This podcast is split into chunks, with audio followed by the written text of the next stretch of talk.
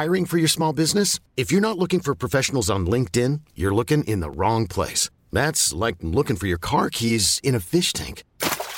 LinkedIn helps you hire professionals you can't find anywhere else, even those who aren't actively searching for a new job but might be open to the perfect role. In a given month, over 70% of LinkedIn users don't even visit other leading job sites. So start looking in the right place. With LinkedIn, you can hire professionals like a professional. Post your free job on linkedin.com slash achieve today. Hey, Dave. Yeah, Randy. Since we founded Bombus, we've always said our socks, underwear, and T-shirts are super soft. Any new ideas? Maybe sublimely soft. Or disgustingly cozy? Wait, what? I got it. Bombus. Absurdly comfortable essentials for yourself And for those facing homelessness. because one purchased equals one donated. Wow, did we just write an ad? Yes. Bombas. Big comfort for everyone. Go to bombas.com slash ACAST and use code ACAST for 20% off your first purchase. There's never been a faster or easier way to start your weight loss journey than with PlushCare.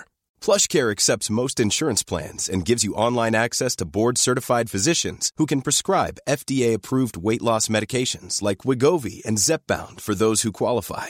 Take charge of your health and speak with a board-certified physician about a weight loss plan that's right for you. Get started today at plushcare.com slash weight loss. That's plushcare.com slash weight loss. plushcare.com slash weight loss.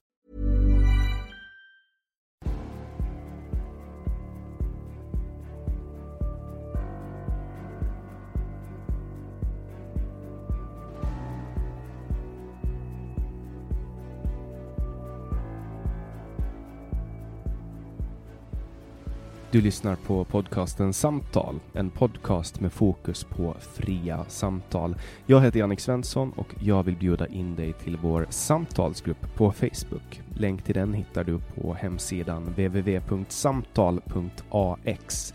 Jag blir också superglad om du vill vara med och hjälpa att stödja det här projektet. Det kan du göra på www.patreon.com samtal eller genom att swisha mig på nummer 070-3522 472.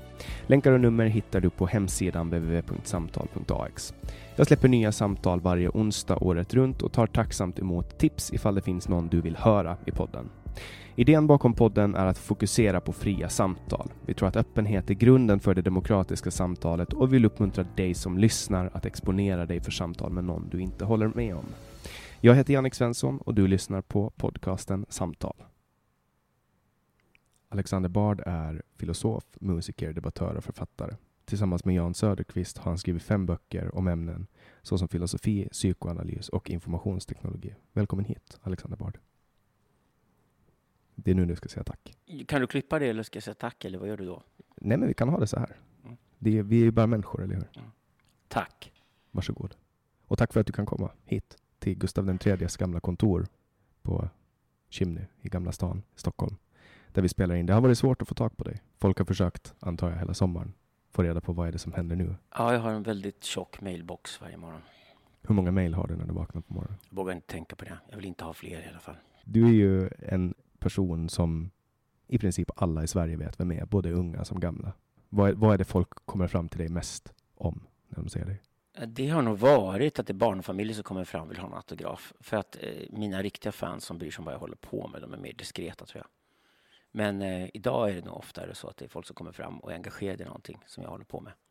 Men Och vill uttrycka sitt stöd för det eller liksom de har någon, någon, någon åsikt som de vill lägga till eller liknande. är det idolmammor som kommer då och vill... Ja, det har försvunnit ganska fort faktiskt. Det, det är ganska skönt att vara ute ur tv-världen och slippa den. Jag, jag, jag vill aldrig egentligen tänka mig att jag ska sitta i tv och göra reklam för vaniljglass i familjepack, men det blev det till slut. De här programmen Idol och Talang och sånt, till slut så, det blir till slut så urvattnat att det, det, det finns liksom bara några gamla tanter och några småbarn kvar som tittar tror jag.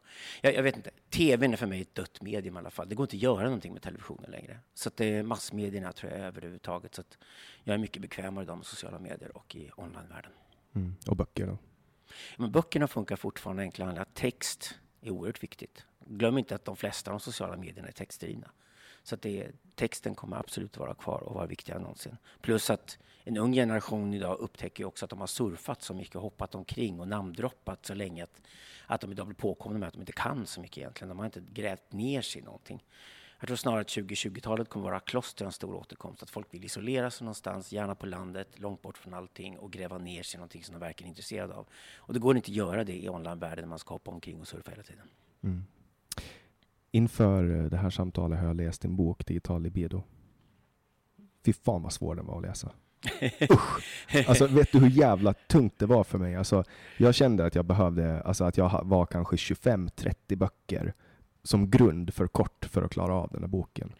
Jo, men samtidigt är det så att jag och Jan Söderqvist lägger väldigt mycket tid på pedagogik och retorik. Så att vi försöker ju skriva våra böcker så tillgängliga det bara går. Men ämnena är extremt komplicerade. Det är ju filosofi det handlar om. Så att, eh, om just den här boken, då, Digital libido, den tar ju ett generellt grepp på vårt samhälle. Varför är vi där vi är idag? Vad är det för historiska rörelser det här handlar om? Vad är det från historien som vi känner igen och som kommer tillbaka?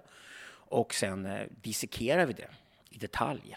Och sen bygger vi upp någonting igen så, som är begripligt. Eh, och det här tar en hel bok att göra och det är ett väldigt ambitiöst projekt. Mm. Och den var, den var extremt tankeväckande. Alltså tankar som jag aldrig har tänkt finns i den boken. Eh, eller det, det, är klart att det är tankar som jag inte har tänkt, men, men det är liksom eh, infallsvinklar och grepp som jag aldrig har varit med om tidigare. Men du använder en, ett psykoanalytiskt perspektiv, kan man säga så? Ja, det är ganska många som gör det. Det, det är väl så helt enkelt att efter att Freud kom på, i slutet på 1800-talet så började förstå vad det är för rörelser som egentligen pågår inom oss själva. Och sen när vi ser att hela samhället opererar så, då kommer ju Carl Jung och andra sådana tänkare. Och så småningom hela 1900-talet med de stora antropologerna som jag älskar. Um, det är det bästa sättet att förstå vad som pågår. Det är helt enkelt att fatta på djupet vad, vad vi inte ens är medvetna om vad det är för rörelser som, som, pågår i samhället. Och det enda sättet att göra det är att göra vad vi kallar en socioanalys. Psykoanalys är egentligen analys av ett enskilt psyke. Men socioanalys, är alltså ett, ett, ett djupare analys av hela samhället. Så det skiljer sig från sociologi som är besläktat med psykologi. Det, det, det, är socialvetenskaper. Psykoanalys och socioanalys däremot det är konstformer. Så det är ett konstnärligt grepp där man försöker förstå den samtid vi lever i. Och det är det vi håller på med, heter socioanalys. Det är ganska många andra filosofer som använder det tricket idag. Slavoj Zizek är väldigt känd för att han, han använder också hela den här psykoanalytiska världen med Freud, Jung, eh, Lacan, Kristeva, allt vad de heter som kom under 1900-talet som en slags utgångspunkt för sin analys. Det är mycket fallos och falliska energier som du pratar om och falska fallos och, och sådana saker som du jämför olika företeelser och beteenden med. Men det är därför att vi saknar ju fallos i vårt samhälle idag. Vi saknar, är... vi saknar stake. Ja, absolut. Kuk alltså. Ja. Det finns, det finns inte vilja i vårt samhälle. Vi lever i ett väldigt viljelöst samhälle. Det är som en såsig amöba som är... Slavoj Zizek kallar det den feminina hysterins tidsålder. Då menar han inte det på nedsättande vis, utan han menar helt enkelt att när det falliska saknar blir kvinnorna hysteriska, därför det finns ingenting för dem att matcha sig emot. Det är ungefär som männen har försvunnit i vårt samhälle, de begravts, blivit helt avkönade.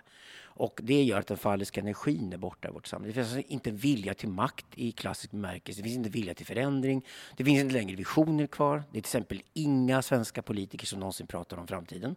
Det gör ju inte i och för sig Trump eller Biden heller. Alltså det finns inga politiker kvar som har några visioner om hur världen skulle kunna vara annorlunda än idag. Och i och med att alla visioner har försvunnit, i tanke på att det falliska har försvunnit i historien, så, så är vi i ett väldigt farligt läge. faktiskt. Det, det brukar gå åt helvete när, när fallet försvinner i ett samhälle. Fallos, kan det vara... Jag tänker på typ en Beatles-konsert i mitten på 60-talet när kvinnorna skrek så att de svimmade. Det nej, nej, det är det inte. Det, det, det, är inte sexualitet så rakt av. Utan fallos är egentligen att det finns inte en ordning. Eh, det är bara kaos. Vi lever i en platt värld, vi lever i en extremt decentraliserad värld. Eh, internet har också gjort det ännu plattare, ännu mer decentraliserat. Och det finns inte någon gemensam story någonstans som vi kan hänga fast oss vid. Så att människor landar i massor med olika ekokamrar och de här ekokamrarna är urusla på att kommunicera med varandra.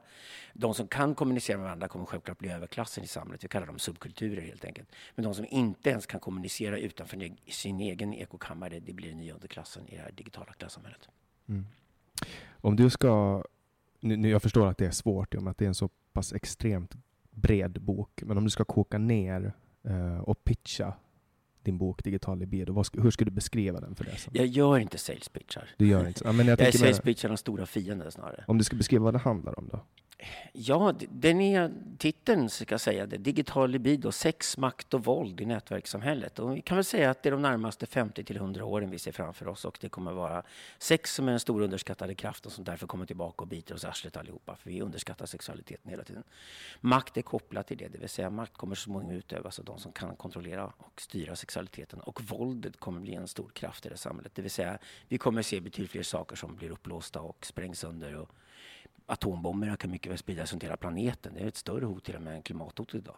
Men, men förutom det så kommer vi också se ett slags lågaktivt konstant våld som pågår hela tiden. En slags konstant terror som vi ser framför oss de närmaste 50 åren. Vi har ju mycket våld redan och vi har mycket kaos. Men avsaknaden av fallos, kan det vara då avsaknaden av Alltså, jag menar, vi, alltså, du, du nämnde att fallos är framtidsvisioner, eller saker. Ja. Och, och, vi har Fa- mycket... fa- Fallos är en ordning i kaos. Den som skaffar ordningen i kaoset. Ett bra exempel var att efter 11 års blodbad så tog den franska revolutionen slut. År 1800 kom Napoleon. Han kom genom Bombay-kuppen i Paris. Han tog över makten i Frankrike och han blev Frankrikes diktator. Och det slutar ofta med diktatur därför att till slut är kaoset så kraftfullt i samhället att folk inte orkar med det längre. De vill ha mer och mer auktoritära ledare och sen kliver in någon ledare som blir riktigt auktoritär.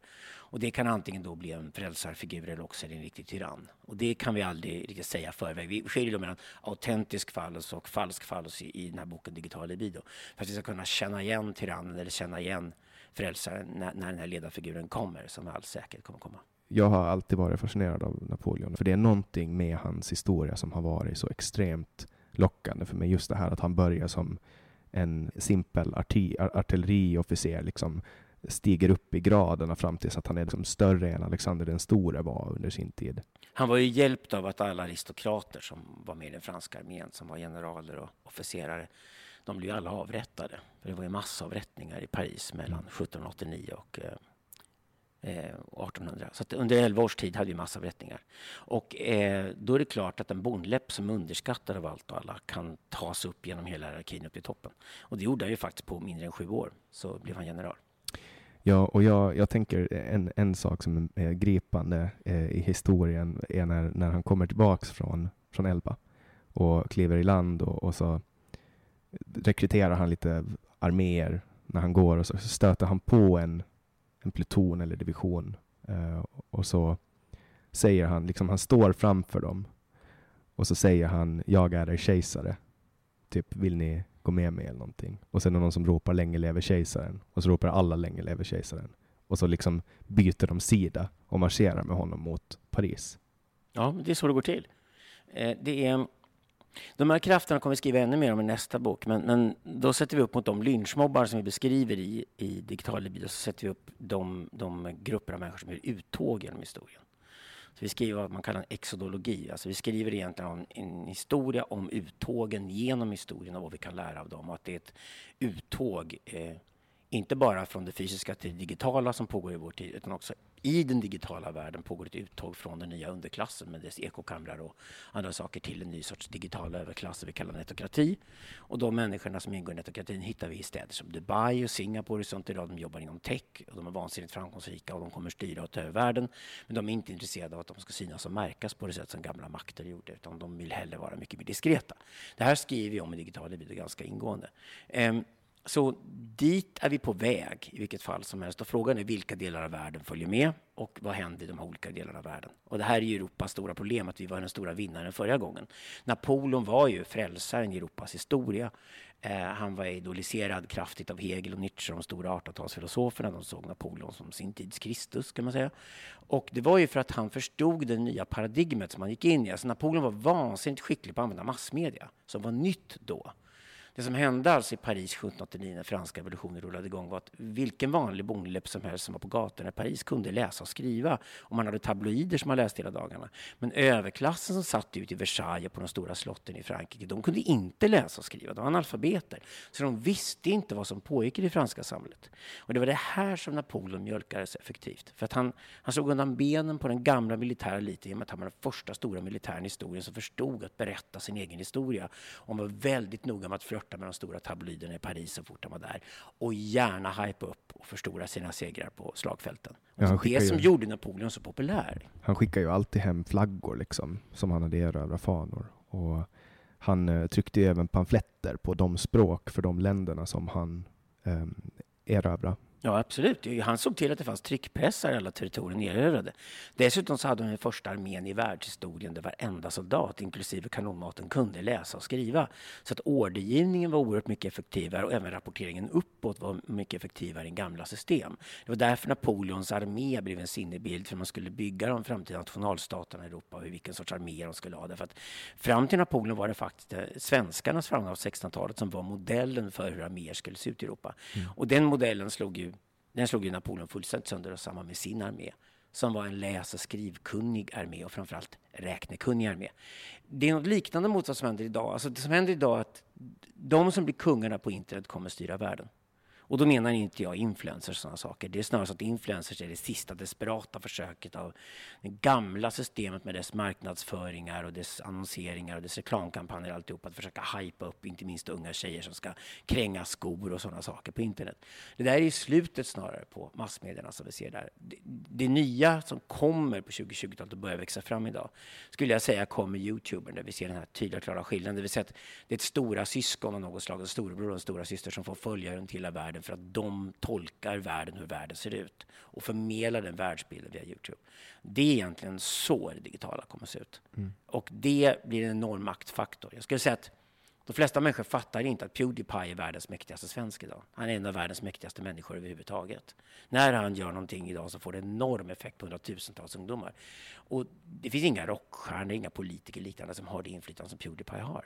Men det här fattar inte folken, för de, de, de, ser bara konsekvenserna av det när det spelas ut. Men de tror fortfarande att det är något tillfälligt som pågår i digitala. Så småningom ska vi återgå till en värld där politiken, där massmedierna, där akademierna eh, ska återta sin gamla makt. De gamla industriföretagen ska återta den makt de hade tidigare. Det kommer aldrig hända, för det, de gamla institutionerna idag rasar ihop. Och de sista krafterna som är kvar i de gamla institutionerna är de klassiska jakobinerna som dykt upp i vår tid, det vi kallar woke. Woke-kulturen idag. Woke-kulturen är egentligen svag online, men den är väldigt stark i de gamla institutionerna. Det är woke-människorna som bryr sig om att skaffa sig en akademisk utbildning och göra om akademin efter sina intressen idag. Det är woke-människorna som tar över massmedierna och sitter idag och skriver ledare och sånt där på tidningsredaktionerna. Det är woke-människorna som tar över radio och tv. De dyker upp överallt där alla andra har retirerat och lämnat. Här studsar vi tillbaks till franska revolutionen igen när du använder det uttrycket jakobiner. Mm, just det. det jakobinerna känns igen att de alltid kommer vid oroliga tider och trivs i kaoset som uppstår. Men de använder kaoset till att skapa offerkulter runt sig själva. Och ofta kommer de först med slags fredsbudskap. De är de fredligaste, varmaste, vänligaste, mest leende människorna av alla. Det är new age och sånt där skulle vi kunna kalla det idag. Och de kommer in dörren och de ler. De är alltid pacifistiska, de är ofta veganer, de gör ofta goda, fina saker. De är extremt noga med sitt godissignalerande. Men de här människorna, när de inte längre får uppmärksamhet, Tänk dig några år in i utvecklingen. Om inte längre får uppmärksamheten, då vänds alltid jakobinerna mot alla andra och de jagar allt och alla med blåslampa och är ofta vansinnigt våldsamma när det kommer till läget. Vi ser redan det här i USA idag. Vi sitter här nu hösten 2020. Vi ser de blodiga upploppen i Portland, Oregon och så vidare. Där hipsters som var fredliga och gulliga för tre månader sedan redan idag börjar skjuta ihjäl folk. Så, att, så att det går väldigt fort för jakobiner att gå över till det våldsamma som de tycker att de har rätt att uttrycka sig med. Mm. Man kan man, man ska ju alltid prata om, om historisk kontext när man, när man pratar om, om historiska figurer och det finns ju liksom den här nationalromantiken kring Karl XII och så vidare. Men när jag tänker på Napoleon, bara för att återgå till honom, det var ju att vart han än kom så införde han um, fri religionsutövning, alltså religionsfrihet, um, åsiktsfrihet. Han avskaffade slaveriet. Ingen i hans armé fick plundra. Uh, ingen i hans armé fick våldta om de gjorde det blev de avrättade på plats. Eh, vad är det som gör att man idag, när man pratar om Napoleon, att han liksom ses som någon form av eh, terrordiktator? Han var ju inte kanske supersnäll i alla lägen, men för att vara på sin tid så var väl det ganska liberalt? Eller? Det är bara för att vi har en pacifistisk standard idag. Så vi håller på att riva ner alla statyer över, över generaler som vunnit krig. Vi håller på att riva ner alla statyer folk som har varit med i slavhandeln, vilket var all handel fram till 1800-talet. Alla deltog på något sätt i slavhandeln, för slavhandeln var en del av vanlig handel. Det var ingenting märkvärdigt alls på 1700-talet. Alltså, vi använder vår tids värderingar som nu har blivit extremt jakobinska, de woke-åsikterna som dessutom inte kommer finnas kvar om 20 år, men de dominerar just nu. Och de projicerar på historien. Och då blir allting bara en fråga om godhet och ondska och allting blir ondska. Inte minst om det är män med makt involverade. Det är klart att Napoleon han till exempel rev ner staden Jena i Tyskland så brände han i stort sett i marken. Men det skrev också filosofen Hegel året efter att ja, Napoleon kom in, han stormade in i hemstad Jena, han brände staden i marken. Det gör man under krig. Det spelar ändå ingen roll. Napoleon är the shit liksom. Winston, Napoleon är det nya idealet. Winston Churchill som är klassad som en hjälte i Europa brände ner Dresden. Vi kan vända på steken och säga att mongolerna beskrivs alltid i vår historieskrivning som att de var extremt brutala och vidriga och, och alla hatar dem och sånt där. Det är sant att mongolerna var vansinnigt brutala, för de var ju nomader. För de var ju bara så att om det var en fiende framför dig högg man huvudet av din fiende. Och var det kvinnor och barn högg man huvudet av dem också. Så mongolerna utrotade hela miljonstäder längs sidenvägen när de stormade fram. Men efter att mongolerna hade tagit makten så hade de makten, mongolimperierna, i ungefär hundra år innan böldpesten kom. Och det var böldpesten som kräkte mongolerna, ingenting annat. Varför då? Därför att de var egentligen väldigt populära. När de väl hade tagit makten, då utövade de ett slags libertarianskt imperium och imperium är egentligen den smartaste modellen vi människor uppfunnit för hur vi ska kontrollera saker. Det vill säga, med imperium kontrollerar du väldigt stora territorier, du håller fred över de territorierna. Det är det Napoleon också senare sen förstår när han använder imperieteori för att styra Europa. Så imperium innebär att du har e-, en låg skatt som går till en central myndighet och det räcker för att hålla ihop imperiet. Och det är första hand det du gjorde. Mongolernas skattesats var någonting i stil med 5 procent. Det var liksom aldrig mer än det. I övrigt så fick du göra vad du ville.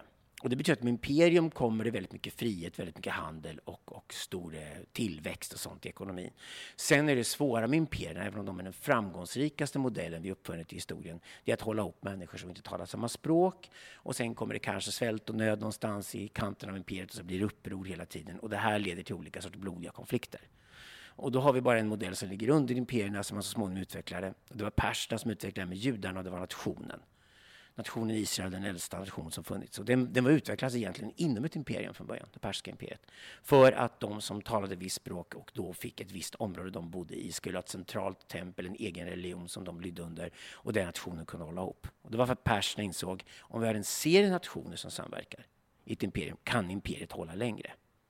Men de här teorierna, imperieteori, håller på att utveckla vårt arbete just nu, Söderqvist. Ja, därför att det här blir nödvändigt för att försöka lösa de stora frågorna om hur vi ska organisera mänskligheten i framtiden. Därför att institutioner som Europeiska unionen och sånt som är byggt idag är byggt på helt fel sätt för att vara hållbara. Men kollar man på stora imperier som har fallit så har det ju oftast fallit på grund av egot och, och viljan att, att föra släkten vidare. Jag tänker Eh, Marcus Aurelius, eh, romarriket föll på grund av att han ville att hans son skulle bli kejsare. Och Napoleons rike föll för att han trodde att hans familj kunde ta kommando över alla de här länderna och han trodde att han skulle vara eh, immun mot Österrike om han gifte in sig, sin familj med dem.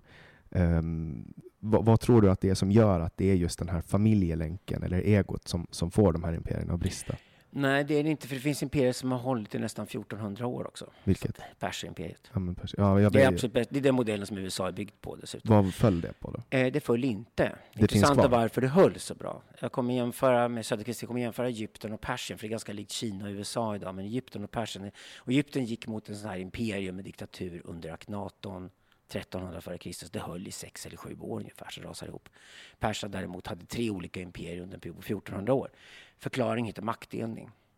Och det betyder att de byggt in maktdelning från början i systemet. Du måste ha en religion som predikar maktdelning. Du måste säga att makten ska delas, prästerskapet och, och eh, hövdingarna får absolut inte ha samma roll. De ska hållas separerade, gärna skilda huvudstäder, hålla långt från varandra.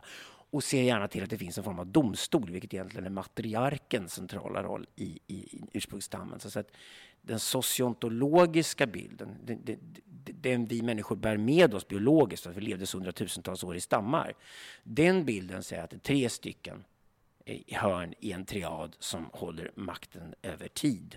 I amerikanska konstitutionen så betyder det att hövdingens roll är presidenten, prästens roll är kongressen och matriarkens roll, den högsta domstolen. Och matriarken är den äldsta kvinnan i stammen inför vilken alla män och hela stammen är ansvariga. Det är alltid den äldsta kvinnan som tar den rollen. Och den rollen är alltså en slags stark feminin roll. Det ska man komma ihåg det här. Jag brukar säga att kristendomen försökte lura i oss Fadern, Sonen och Anden som en treenighet, men i folkreligionen blir det alltid Fadern, Sonen och Modern. Du ser inga bilder på, på en helig ande någonstans, det är bara bilder på jungfru Maria som håller på barn igen. Så det, det, det Fader, Sonen och Modern funkar för människor. Det, det, därför kristendomen är populär. Det, det kristendomen lärde ut var det ingen som trodde på. Och det är samma sak med triaderna, de återkommer hela tiden. Och Men om man i ska den amerikanska konstitutionen för hållbar över tid, medan Kina till exempel är extremt instabilt. Xi Jinpings diktatur nu så de sista sex åren är förmodligen ett vansinnigt instabilt system. Det räcker med några naturkatastrofer i södra Kina, så förmodligen Xi Jinping rökt och då får vi kaos i hela världen på en gång om Kina börjar braka. Därför diktaturer är inte hållbara över tiden. Men maktdelade imperier håller. Och det är också mycket, mycket lättare då till exempel det här med ärvingar och sånt där. Om det är en diktator som styr, som Karl den store gjorde till exempel i Europa på 1800-talet, och, och sen när han dog så skulle hans söner ta över. Då styckar man bara upp imperiet i fyra, fem olika delar. Och sen ska de olika sönerna leda varsin del och sen gick de i krig med varandra såklart och så föll allting ihop. Det är vad som händer när det inte finns ett system för maktdelning första början. Det vill säga symbolisk makt, imaginär makt och reell makt måste delas från första början. Men om man tar, vi har ju en, en maktfördelning i våra demokratiska länder, alltså det vill säga den verkställande makten, den lagstiftande makten och den dömande makten. Jo, det har vi, men, men i Sverige är det svagt därför att vi har bara grundlag, vi har ingen riktig konstitution. Det Sverige skulle behöva ha för att långsiktigt säkra det fria ordet och det fria mötet och allt det som vi svenskar egentligen uppskattar idag. För vi är ett väldigt fritt land och vi ska stå för vår frihet som är som en stor del av vårt nationalarv, anser jag. Men det skulle hjälpa väldigt mycket om Sverige fick en riktig författning och dessutom en författningsdomstol som höll alla ansvariga. Det som- ironiskt nog saknas i svenska styret är den riktigt starka kvinnliga makten i strukturen från början. Och den ska egentligen vara matriarkens roll, det vill säga det ska vara en författningsdomstol som ser till att lagar som stiftas är i enlighet med den författning man redan har kommit överens om. Så det räcker inte med kvinnliga miljöpartistiska statsråd. Nej, det räcker inte med en riksdag som får all makt heller. Alltså det är bättre att riksdagen har makten, tycker jag, än att EU-parlamentet i Bryssel, som de nu, nu ska de beskatta oss direkt i Sverige. Jag tror det här är åt helvete om man ska vara helt ärlig. Men, men eh, ri- riksdagen är, har ju väldigt mycket makt och inflytande idag, även om den egentligen består av knapptryckare. Så det är ju partiledarna som kommer överens, utskotten bestämmer, riksdagen tar besluten. Men det är en väldigt stark central makt på det sätt som vi har i Sverige idag. Och vi skulle vinna väldigt mycket på att juridiken stärktes upp, men juridiken var också ansvarig inför sig själv i den Eller att processen. man respekterar juridiken. Det är inte fråga om respekt, det är fråga om maktutövning faktiskt. Det, det, vem har sista ordet? Lagrådet i Sverige är för svagt. Det kan ha Men lagrådet på lag. sågar ju gymnasielagen vid Ja, men lagrådet körs över hela tiden. Den nuvarande regeringen har varit experter på att köra över lagrådet hela tiden, skiter i vad de säger. Ja, men då är lagrådet för svagt. En författningsdomstol går inte att köra över. Det skulle Sverige vinna mycket på långsiktigt att ha, att ha det. Inte minst för det fria ordets skull. Vilket parti är framtidens parti i Sverige? Jag har gått med i Medborgerlig Samling därför jag tror att det är det nya starka borgerliga partiet som kommer slå igenom under 2020-talet. Och de behövs verkligen. Eh, däremot så är jag väldigt stort fan till den nya vänsterrörelsen också. Med Marcus Allard, Nils Littorin, Mike Enoksson, Malcolm Kyune. Många av dem är marxister i botten och de vill ha en ny vänsterrörelse för de anser att Socialdemokraterna har svikit arbetarna fullständigt och Vänsterpartiet har tappat det totalt genom att bli rosojaner i lägen. Så att Jakobinerna och Vänsterpartiet är körda. Socialdemokraterna vände arbetaren ryggen för 30 år sedan och det är den svenska arbetaren de slåss för. Liberalerna? Vad sa du? Liberalerna? Hur kommer det att gå för dem? Nej, men Liberalerna kommer dö. Nyamko Sabuni är en gammal vän och hon är fantastisk, men det finns inte en chans för henne att vända det skeppet. Det är kört. Det, det finns inga talanger, det finns inga pengar, det finns ingenting där, det finns ingen livskraft. Det finns inte ens en idé om vad liberalism är i partiet. Det, det, de bara är ett följe liksom vilsna får som springer en hit en dit och är rädda för alla former av kontroverser. Så att Liberalerna, det finns ingen stake kvar alls i det partiet idag. Och finns det ingen stake, då är det kört. Mm. Och du har ju flera gånger hoppat och bytt parti. Nej, det har jag inte gjort egentligen. Jag har samarbetat med flera olika partier. Och det är För för jag att har de aldrig kandiderat, glöm inte det. Okej, du har aldrig kandiderat. Men det är, är det för att de har bytt, de har haft den just då bästa visionen? Nej, det är snarare så att jag har med och byggt de visionerna. Ja. Jag har varit med och jobbat med Centerpartiet när de byggde sitt väldigt kontroversiella idéprogram som jag tyckte var väldigt kul att göra faktiskt. Och eh, jag gillar Annie Lööf, ingenting mot henne. Jag tycker Nyamko Sabuni är grym med. Personligen är det ju, är det vänner, det är ju fantastiska tjejer. Jag tycker det är skitbra med partiledare. Problemet är bara att det är gamla broilerkonstruktioner de sitter på, de här maskinerna som de sitter på idag. Om du idag går med i ett riksdagsparti i Sverige så ställs du längst bak i en kö och mm. förmodas vara en slags maktmänniska som en dag ska belönas med en plats i ett kommunfullmäktige någonstans. Och tills dess ska du koka väldigt mycket kaffe och servera andra auktoriteter i partiet så de får sina bullar och sitt kaffe och låtsas göra viktiga saker. Men det är inte så politik går till längre. Det sker inget politikarbete inom partierna, det är stendött. Så det är liksom bara någon slags kolosser idag som hålls igång av partistöd som pumpas ut via riksdagen till organisationerna. Det går raka vägen till partiledarna. De har en liten stab som de har råd att ha och de hittar på någon form av politik hela tiden som de spelar ut i olika partiledardebatter och sånt. Och sen lurar de svenska folket att tro att på grund av 4% spärren så måste svenska folket acceptera det fast alla hatar det. Så det är ett jätteläge att kommer man förbi den här illusionen att 4% spärren inte går att ta sig förbi, som man gjorde i Frankrike och Italien till exempel, där alla de traditionella partierna rasade ihop. Då tror jag att vi kan ha ett sånt där ras, ett massivt ras av de mm. konventionella riksdagspartierna som sker under 2020-talet. Känner du till eh, hur valsystemet fungerar på Åland? Det är lite klurigt där. Ålänningarna väldigt, väldigt skyddar sina egna intressen väldigt mycket. Det finns ingen plats i hela EU där, där invånarna skyddar sina egna intressen starkt som mm. är på Åland. Vi har ju ett, eh, vi räknar röster enligt Duhonts-metoden, men vi har ungefär samma partier, bara det att um, det är valresultaten som bestämmer listan. Så den som får flest röster på en lista, ett, en partilista, då, den får första mandatet. Den som får näst mest röster får andra mandatet och så vidare.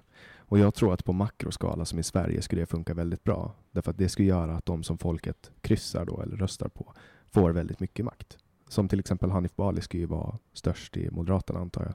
Om man räknar bort att um, Ulf Kristersson uh, får, han, får krysset om någon bara röstar på ett parti.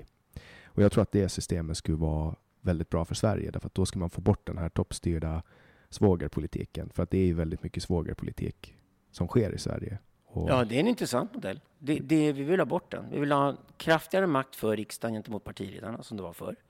Det vill säga, budgeten ska gå rakt till riksdagsmännen. Så att om, ja, partistöd ska egentligen skrotas. Varför ska varför ska dessa partier som tar sig in i riksdagen ha så svagt engagemang hos befolkningen så att de måste få pengar från staten? Ja, det, är det är vansinne. Ja, det, är vansinne. Alltså, det, det, det, det, är ett horeri av nåde. Ja, men det där är också varför, varför ska man befästa de modeller som redan finns? Det är samma med mediestödet, att man, man ger pengar till de stora som redan finns så att ingen annan liten ska kunna komma fram. Det är ju de små som ska få pengar. Ja, det här är ju Sverige idag. Sverige består av privilegierade eliter som håller varandra bakom ryggen. Det är vad landet består av. Det är på den makronivån som korruptionen är så otroligt flagrant som den är i Sverige idag. Och det betyder att du har riksdagspartier som håller varandra bakom ryggen och de håller de stora tidningshusen bakom ryggen. De håller tvn och radion som huvudsakligen är statlig i Sverige bakom ryggen, eller teleägd för den delen. Och de här gamla institutionerna försöker hålla kvar det här status quo eftersom de alla vinner på det. Den privilegierade elit som gärna får stora lägenheter på Östermalm för inga pengar alls. Mm. Alltså, där sitter de ungefär. Det är den korrupta eliten vi har i Sverige idag. Och det enda sättet att bemöta den, det är ju bara att jobba med människor som, som jobbar med det omöjliga. Att till exempel gå med i ett nytt politiskt parti 2020 betyder att gå med i ett parti som kommer få höra från allt och alla att ni kan inte lyckas, för ingen kan ta sig förbi 4% spärren. Det spelar ingen roll att Miljöpartiet och Socialdemokraterna, eller eh, säga, Miljöpartiet, Sverigedemokraterna, till och med Ny Demokrati lyckas med en gång i tiden. Det går inte att göra längre. Ingen kan ta sig förbi 4% spärren. Det var du får höra överallt. Men det betyder att de som går med i de partierna redan då övertygar om att de är med i partiet för att de av ideella skäl vill vara engagerade. De, du... de, de, tror inte ens själva på sitt projekt, men de gör det ändå. Och det är de enda människorna vi kan jobba med idag. Det är idealister som skiter fullständigt i cynismen i vårt samhälle. För de enda som kommer överleva om tio år och så kan man lyssna på, man kommer följa sociala medier. Det är de som inte tillåter cynism i samhället att komma nära. Mm. Kommer du att eh, kandidera för något parti? Någon Nej, jag ser inte någonsin? det. Jag tror inte jag är den typen av person som ska sitta och trycka på några knappar eller sitta med utskott och hålla på med det slitarbetet. Jag tror det är mycket, mycket bättre som sån här loose cannon som far omkring. Men tror du inte att, uh, att regeringen, nej men riksdagen behöver en till trickster? Jo, men det finns Hanif Bali och andra som kan vara det. Vi har en hel del tricksters i Medborgerlig Samhälle som klarar den rollen och var inne i riksdagen och utförde arbetet. Jag skulle säga så att jag är filosof. Jag tror att Jan Söderqvist och jag och de som tillhör vårt skrå ska hålla på med filosofin. Det, och det betyder inte att vi inte kan vara med i politiska partier, att vi inte kan gå ut och demonstrera eller vara politiskt aktiva. Jag tycker filosofer ska vara politiska aktivister. Men det betyder inte nödvändigtvis att jag är den kandidaten du röstar på. Det, skulle vara så, det, alltså det är så jävla slående att sitta eh, framför dig, därför att ska man göra en sån här romarbyst av dig, då ska man få en som ser ut som, du vet, du, du ser ju ut som en av de gamla grekerna. Och tack, det var Man, snällt. man skulle kunna göra en sån och så skulle man, ja men här är jag Aristoteles. brukar och föra att jag ser ut som en rysk munk, men det är kanske inte så långt bort därifrån. Jag vet inte hur en rysk munk ser ut. Jag, ska, jag tycker att du ser ut lite som en filosof. Okej, tack. Ja. Men eh, vad, vad har du för egenutvecklade filosofier? Som jag tänker på, det, det finns ju grundare till eh, filosofier som Ayn Rand till exempel. Hon var ju filosof för att hon hade sin egen filosofi. Men vad, ja, hon var författare hand. Kanske drömde om att bli filosof. Jag vet inte om hon lyckades så hon bra. kallar sig själv Hon filosof. kallade sig själv filosof. Hon blir sällan kallad av andra filosofer. Eh, okej, det är för hennes objektivism var så otroligt banal. Men eh, okej, vi gör så här. Eh, jag är som alla filosofer extremt starkt inspirerad av den guldålder som Europa upplevde på 1800-talet. Eh, Första, det- mitten eller sista delen? Nej, överhuvudtaget. Det var Hegel i början och Nietzsche i slutet. Så att det, du har alla de stora där, inte minst de stora tyska filosoferna och några franska också på, på 1800-talet. Det är svårt att komma runt det. det. Man lär sig tänka som Hegel och man lär sig känna igen sig i Nietzsche. Det, det är de två som är jätteviktiga. Sen kan man gå tillbaka och läsa hela filosofihistorien. Och jag tillhör den generationen som inte nöjer med att sitta med grekerna. Alltså det, är liksom inte, det räcker inte att sitta och rabbla Platon och Aristoteles en gång till, utan man måste även lära sig österländsk filosofi i grunden. Och då upptäcker man självklart att de indiska, och kinesiska och de iranska idéarven är mycket äldre och mer gedigna till och med än de europeiska arven. De går tillbaka till före grekerna. Och då upptäcker man också att grekerna väldigt mycket egentligen hämtar en stor del av det de håller på med från egyptier, perser, indier och andra som småningom landade i Grekland och skrivs ner där. Till exempel Herakleitos, som var den av grekerna som Nietzsche och Heidegger tyckte bäst om, var inte ens grek. Han var förmodligen vad vi skulle kalla kurd idag. Han kom från Mediernas imperium och var hovfilosof där. Och det var bara fragment av hans idéer som man hittade i antikens Grekland. Och sen har man felaktigt tillskrivit Herakleitos en historisk roll som grek. Men i själva verket finns det inga spår av någon grek som heter Herakleitos någonstans. Utan han var, var uppenbarligen från öst. Och hans tänkande var väldigt starkt färgat av inte minst iransk filosofi, som jag har varit väldigt intresserad av från första början. Jag reste alltså runt i Asien på 1980-talet och studerade kinesisk, och, eh, indisk och iransk filosofi. Och lärde mig läsa de här texterna på originalspråken. Lärde mig sanskrit, avesta framförallt, som expert på. Kan du sanskrit? Mm. Det måste man kunna för att kunna läsa texter. Du måste läsa texten original. Du måste kunna grekiska och latin också ganska mycket. Du måste kunna hebreiska, förstå Bibeln på riktigt. Du, du kan inte förstå texterna om du inte lär dig originalspråken. Du, om du bara sitter och läser översättningar då kommer du tillhöra de här som är översättningsklassen som sitter och översätter texterna och försöker tolka med våra ord idag. Men om jag tar till exempel ja, iransk filosofi som är 3000-4000 år gammal och hittar massor med begrepp som idag inte finns på svenska eller engelska överhuvudtaget då, om jag översätter dem så kommer det bli väldigt klumpiga översättningar. Så det är mycket, mycket bättre ibland att använda originalorden. Så att jag lärde mig asiatisk filosofi också och sen började jag skriva eh, 1998 satte jag igång att skriva. År 2000 kom Jan Söderqvist med min första bok. Då hade jag redan jobbat med musik i 15 års tid och det var dags med att börja skriva böcker på allvar. Och sen dess blev jag filosof. Men det betyder att mitt idéarv jag går tillbaka till, det är till exempel zoroastrismen som var, som var den stora statsreligionen i Persimperiet och som har iranskt ursprung och den stora rika iranska förmuslimska eh, filosofiska traditionen som sen påverkar islam väldigt mycket när islam kommer. Det är framförallt också det indisk filosofi med i paketet. Jag brukar säga att nästan alla tankar som någon har tänkt någon annanstans i världen har någon indier vid något tillfälle också tänkt. Så du kan ägna dig nästan bara åt indisk filosofi om du skulle göra det. Hellre det än att bara vara europé. Sen måste du hoppa hela vägen fram till upplysningen på 1600-talet när filosofins historia kickar in på allvar i Europa. Och så småningom hur man gör upp med Descartes. Både Leibniz och Spinoza från två håll gör upp med Descartes och de, de egentligen har hållit mycket bättre än honom. Och sen är det via Leibniz och Spinoza man har två stora idéer som går fram till 1800-talet. Och där kommer Hegel och Nietzsche, de här stora giganterna. Och sen är egentligen det vi gör efter det idag, det är kommentarer till Hegel och Nietzsche. Vi kommenterar idag om den samtid vi lever i. Till exempel jag och Söderqvist skriver om teknologi och teknologins affekt på oss människor och eh, eh, hur, hur vi tar in teknologin i vår värld och försöker orientera oss utifrån den. Man kan använda Hegels tänkande för att förstå det, men självklart skriver vi om saker som Hegel och Nietzsche aldrig kunnat föreställa sig på 1800-talet. Vad studerar du på i skol, eh, högskolan, det universitet? Eh, jag läste filosofi redan när jag var liten, så det brydde jag inte om att plugga när jag väl kom Mm. till den punkten. Utan jag läste sociologi och massa språk och sånt där. Matte. Du, du är självlärd-ish. Ja, om du ska hålla på med filosofi måste du kunna tänka klart när du är 14-15, annars är det ingen idé att börja med det tror jag. Var du skallig och hade skägg då när du var 14-15? Nej, men jag ville ha det. Jag började odla skägg. För jag tänker ju mig att du föddes så som du ser ut nu. Ja, jag vill bli född sån. Du spana. Jag var jättearg när jag var sex år gammal för att jag inte hade skägg och polisonger än. Jag var superilsken på det. Skällde ut en frisör när jag var sex år gammal för att inte jag fick polisonger och skägg. Hur var du när du var barn då? Envis. Var du lillgammal? Ja, det skulle man säkert betrakta mig som idag. För jag visste att om man var lite lillgammal som populäraste vuxna och slapp att de la sig i vad man ville hålla på med. Jag var ganska mycket en enstöring och ville vara mycket i naturen och vara mycket själv och sitta och fantisera. När gjorde du ditt politiska uppvaknande? Det kom från början för jag växte upp i en väldigt politisk familj. Jag hade en gudfar som var riksdagsman när jag var liten. Vem var det? Sigvard Rimås hette han. Han dog ung. Han var ett jättelöfte inom Folkpartiet på den tiden på 1970-talet. Men han dog väldigt ung. Han fick hjärtsvikt och dog innan han var 50 år gammal till och med. Jag eh, kollade upp dig på internet och såg att du äger ett stutteri. Jag födde upp travhästar, ja. Mm. Mm, stämmer. Så du är intresserad av trav? Ja, det är. Du håller på med trav också? Mm. Tränar du hästar? Nej, det gör jag inte. Men jag och min kompanjon Ulrik Bermsjö som har fått upp travhästar tillsammans i 25 års tid nu. Eh, vi är båda hästallergiker. Oj. Så vi kan inte vara nära hästarna om vi inte tar kortisonsprutor och är utomhus med hästarna och sånt där. Så det, det är en slags omvänd tragedi kan man säga. Vi kan inte träna hästar, vi kan inte köra hästar, vi kan inte ens vara med hästar. Så istället får vi bli uppfödare, så vi älskar hästar. Men du har hållit på mycket med hästar genom livet eller? Ja, det har gjort så mycket jag kan nu med tanke på att jag blev sjuk av dem. Så det. Man kan kolla på dem på distans, man kan kolla på dem på datorn eller på TV. Man kan ju gå på tävlingar, man behöver inte sitta direkt och ha hästen rakt upp i näsan. Eh, man kan definitivt träffa sina hästar ute på stora ängar på sommaren eh, och eh, bli väldigt förtjust i dem. Men vi säljer och köper hästar hela tiden för vi håller på med uppfödning av tävlingshästar. Mm. Jag har nyligen blivit konverterad till trav. Eh, Det var min vän Jonas Rosenberg som han tränar travhästar på Åland, han och hans mamma Barbro Karlsson.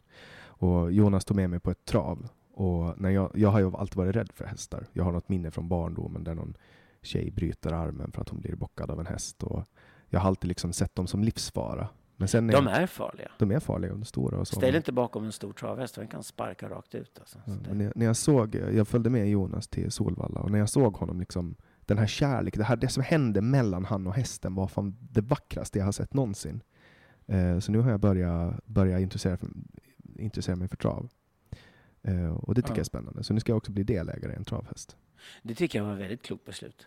Mm. Du kommer förlora väldigt mycket pengar, men det kommer vara väldigt kul. Ja men det här är, det är en, eh, jag, ska minimera förlusten. Jag ligger på plus nu, jag har ju vunnit lite. Det gick jättebra för Jonas eh, och Barbro bara för några veckor sedan.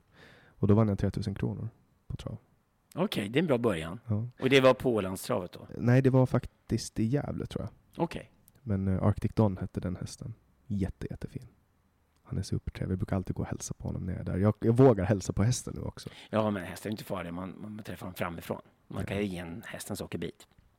Ja, men jag, blir, jag blir helt, ehm, jag blir helt uh, fascinerad. Alltså jag kan bara stå och titta hur länge som helst på en häst för att jag har, jag har liksom insett det är någonting med det här djuret som är så otroligt vackert. Vad, vad är det? Kan du förklara det för mig? Är det fallisk energi eller vad är det? Det är väl bara det att hästen råkar vara ett sånt djur som passar bra på människan. De ursprungshästarna var ju mindre än dagens hästar. Och sen har vi fått upp större djur som passar människokroppen bra så vi kan rida och köra och Jag har aldrig ridit på en interagera med häst. hästen. Sen har ju hästen också en, en annan fantastisk egenskap. Det är ett steppdjur från början. Den kommer ju från stäpperna mellan Asien och Europa. Och eh, det gör att hästen tål extremt klimat väldigt bra. Så hästar tål väldigt hög värme och de tål väldigt stark kyla utan, eh, utan att behöva liksom anpassa sig efter det. Och det är ju unikt med hästen att den är så tålig. Så travhästar till exempel kan ju tävla när det är 25 minusgrader på vintern och de kan tävla när det är 35 plusgrader på sommaren och de kan springa fort under alla omständigheter och tycker det är jättekul att springa. Så att det är ju det som gör hästen speciell. Men det, det är ju så vackert att titta på när de springer, eller bara, bara titta på dem. Jag tycker att de har, de har, det, finns någonting, det finns någonting där som fångar mig. Ja, min farsa tog med min lillebror till eh, racertävlingar. Och då var det ju liksom människokroppen och bilen som är det som hänger ihop där. Och eh, jag föredrog eh, hästtävlingar. Det gick lite långsammare kanske. Men, men eh, samarbetet mellan hästkroppen och människokroppen är extremt fascinerande. Och det är det man får tillgång till i trav och jag tycker det är otroligt intressant. Har du några hästar som jag borde sätta, några hästar som du äger som jag borde sätta på min bevakningslista? I första hand så Ulrik och jag uppfödare, så vi säljer våra hästar för tävling. Och sen köper vi tillbaka ston så småningom när de har tävlat klart för att vi ska ha dem som följston och sen så föder vi upp nästa generation hästar och så vidare. Och sen har vi en gård i Närke som En polare till oss äger det, vi har hästarna uppstallade under större delen av året och sen har vi en del hästar nere i Frankrike också, där vi har en mindre uppfödning just nu. Så det, det, vi, det är ingen stor skala vi håller på med. Vi har polare som håller på med sådana jättestuterier med hundratals hästar och det är vansinnigt mycket pengar i omsättning. Men vi håller på i liten skala med några få hästar som vi föder upp varje år och vi tycker det är kul. Mm. Har du någon, någon, som, någon du har fått upp som, som är het just nu? Ja, jag vet het just nu. Det är en hel del hästar som springer, men, men det egentligen tror jag irriterande för många var att redan den andra hästen jag födde upp gick och vann Svenskt travderby. Mm. Så jag hade så extremt stor lycka. Du vet, så här, typ att mm, eh, man sjunger första gången blir världsstjärna på en gång. Du vet, det, det, ska bara inte kunna hända. Men den, redan den andra hästen jag födde upp med Ulrik hette Tsadan Wern och den vann Svenskt travderbyt. Och det är fortfarande någonting som många stora uppfödare inte lyckats göra. Att vinna derbyt, det är bara en vinnare varje år. Det, det är en stor merit. Mm. Så det klarade jag av redan i början på karriären. Eh, men det kommer en hel del hästar springa närmaste åren här från vår uppfödning som säkert kommer göra ställa till liv i luckan. Mm. När var ditt musikaliska uppvaknande? Var, vem var det som fick dig att vakna rent musikaliskt? Alltså jag hade musik omkring mig överallt när jag växte upp. Så jag hade morbröder som spelade i band och sådana saker. Det fanns musik. Alla spelade någonting. Så det var liksom en kutym i familjen. Man skulle plocka upp ett instrument och lära sig spela någonting och sjunga och sådär. Men jag var ganska ointresserad. Jag var minst intresserad av hela min familj när jag växte upp. Det, det, det, var inte, det tog inte tag i mig då. Däremot lyssnade jag väldigt mycket på musik. Jag tror jag var sju, åtta år gammal när jag började köpa egna skivor. Och lyssnade och lyssnade och lyssnade på musik. Och, och sen upptäckte jag långt senare, jag kom på tonåren, att om du är musikaliskt begåvad så är det antingen så att du producerar musiken eller du lyssnar på musiken. Och att lyssna på musik är också en form av talang. Det vill säga att om du är väldigt vaken på att lyssna på musik och kan plocka isär och sådana saker, då har du förmodligen musikalisk talang. Så att sen i 20-årsåldern så började jag först med teater. Jag åkte till USA och pluggade och gick på teaterskola och sen eh, skulle jag hålla på med teater. Jag var på vägen på scenskolan och alltihopa, men bestämde för att det tråkiga med teater för mig var att det inte fanns någon teknologi i det. För jag älskar att prova att göra nya saker hela tiden. Och eh, teater var mest en upprepning av det gamla. Så småningom ska man i bästa fall landa med att man gör Strindberg och Shakespeare och sånt där en gång till. Eh, jag vill göra någonting helt nytt. Förutom att skriva drama så vill jag använda nya teknologier. Och då drogs jag till musiken, för det här är alltså tidigt 1980-tal. Och då, kom och då började billiga, med synt? Och, ja, syntarna kom, de första billiga syntarna. Och bara ett par år senare kom de första datorerna också som jag gjorde musik på. Sequence hette det på den tiden. Och eh, det här gillade jag. Så det började med att jag gjorde musik till eh, videokonst och andra grejer som jag jobbade med.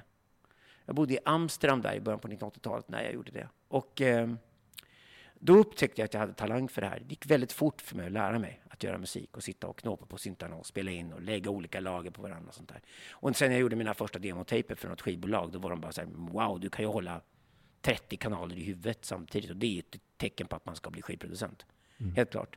Så att eh, redan 1985 när jag kom hem till Sverige igen så hade jag min eh, första listetta med Ola Håkansson och Tim Norell och Anders Hansson. Och vi blev ett team och jobbade ihop i flera år och så gjorde vi en massa hitlåtar. Och sen när jag skulle göra min egen musik så... Jag hade haft ett band från början på 80-talet som blev kult sen. Men, men eh, jag hittade på Army Lovers där 1987 med de andra i bandet. Och eh, tre år senare slog vi igenom med buller och bång i hela världen. Och sen så blev det jätteframgångsrika. Försökte du eller? Kom det bara av farten? Nej, jag var inte intresserad av att vara stor eller populär egentligen. Jag var intresserad av att göra min grej. Jag, jag ville göra någonting som jag, jag, var intresserad av och tyckte var kul att göra.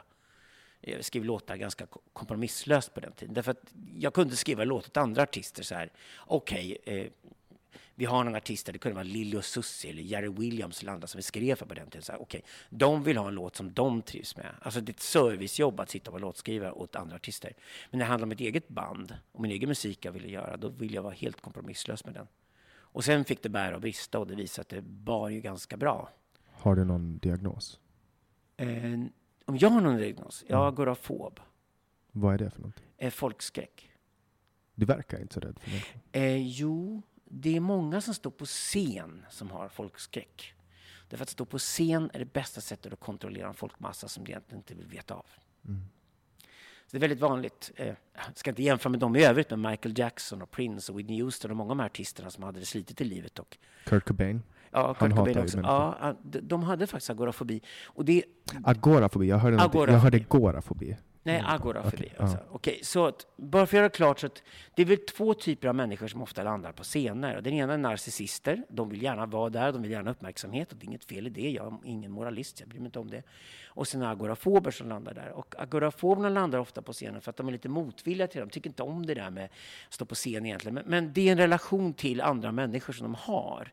Och så länge de får hålla på med någonting de brinner för så går de in och gör det på scenen. Och är rätt bekväma i det. För att det spelar ingen roll om det är folk i lokalen eller inte för en agorafobisk person. Därför att så länge jag står på scenen och de andra inte är på scenen utan nere i publiken så är jag och de inte ett. Och då kan man hålla dem ifrån sig. Och det är ett ganska vanligt personlighetsdrag, så det ingår i autismspektrum, så här, disorders och så. Och det också, Men, men det, är, det, det är väl diagnos, kan man säga, min personlighetstyp är agorafobisk, ja. Och det är anledningen att, att jag frågar är just för att många människor som blir framgångsrika på olika sätt och speciellt folk som gör liksom musik och, och, och så har ofta någon form av diagnos. Um, och jag, har, jag har hört ryktesvägen, jag vet inte om det är sant, men man hör ju mycket rykten och sånt, att du är bipolär men att du bara får hypomanier. Är det sant? Nej, jag är inte bipolär. Om vi ska hålla på så där och plocka ner diagnoserna, då blir ju alla diagnostiserade. Det är ingen poäng med det längre. Diagnos är väl egentligen bara ett modernt sätt att försöka hitta arketyp eller personlighetstyp då, i sådana fall. Okej. Eh, nej, jag, eh, mitt humör är väldigt jämnt över tiden. Jag har ett väldigt stabilt Ja, men folk psyke. säger att du är unipolär, att du bara har manier hela tiden och är glad och på bra humör. Och, Nej, det är mycket. inte mani. Manier kan jag tala om för det vad är för någonting. Det är när någon bränner av 300 000 kronor på två dagar. Ja, det är jag- mani. Okej. Jag jag Det syns på bankkontot om de har manier. Alltså, jag känner väl till det. Jag Ja, Bipolar, bipolaritet är... Det är så att det är väldigt kul att vara manisk andra människor tycker väldigt mycket om när man är manisk. Och det är väldigt lätt att bli förtjust i den fasen hela tiden. Och det bipolära människor har svårt att släppa. De vill väldigt gärna bli av med depressionerna, men de vill inte bli av med manierna. Alltså måste man sätta sig ner med dem och sörja att manierna kommer ryka och man ska medicinera dem för att ryka manierna. Och det mest konkreta sättet man gör det på är att man visar upp ett bankutdrag för dem och sitter där är ditt bankkonto. Du har bränt av 250 000 kronor på fyra veckor. Det här håller inte.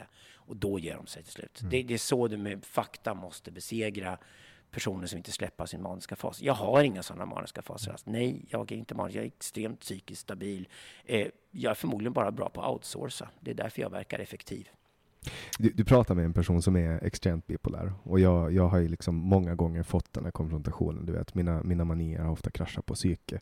Nu har jag inte varit in på psyket på fyra år eh, med hjälp av ja, moderna metoder kan man säga, behandlingsmetoder. Ehm, men men eh, jag kan liksom känna någon form av identifikation i ditt sätt. Alltså du har ett ehm, ett sätt som är, du har, liksom, du har mycket energi, du har snabba tankegångar och det är just den delen jag känner igen.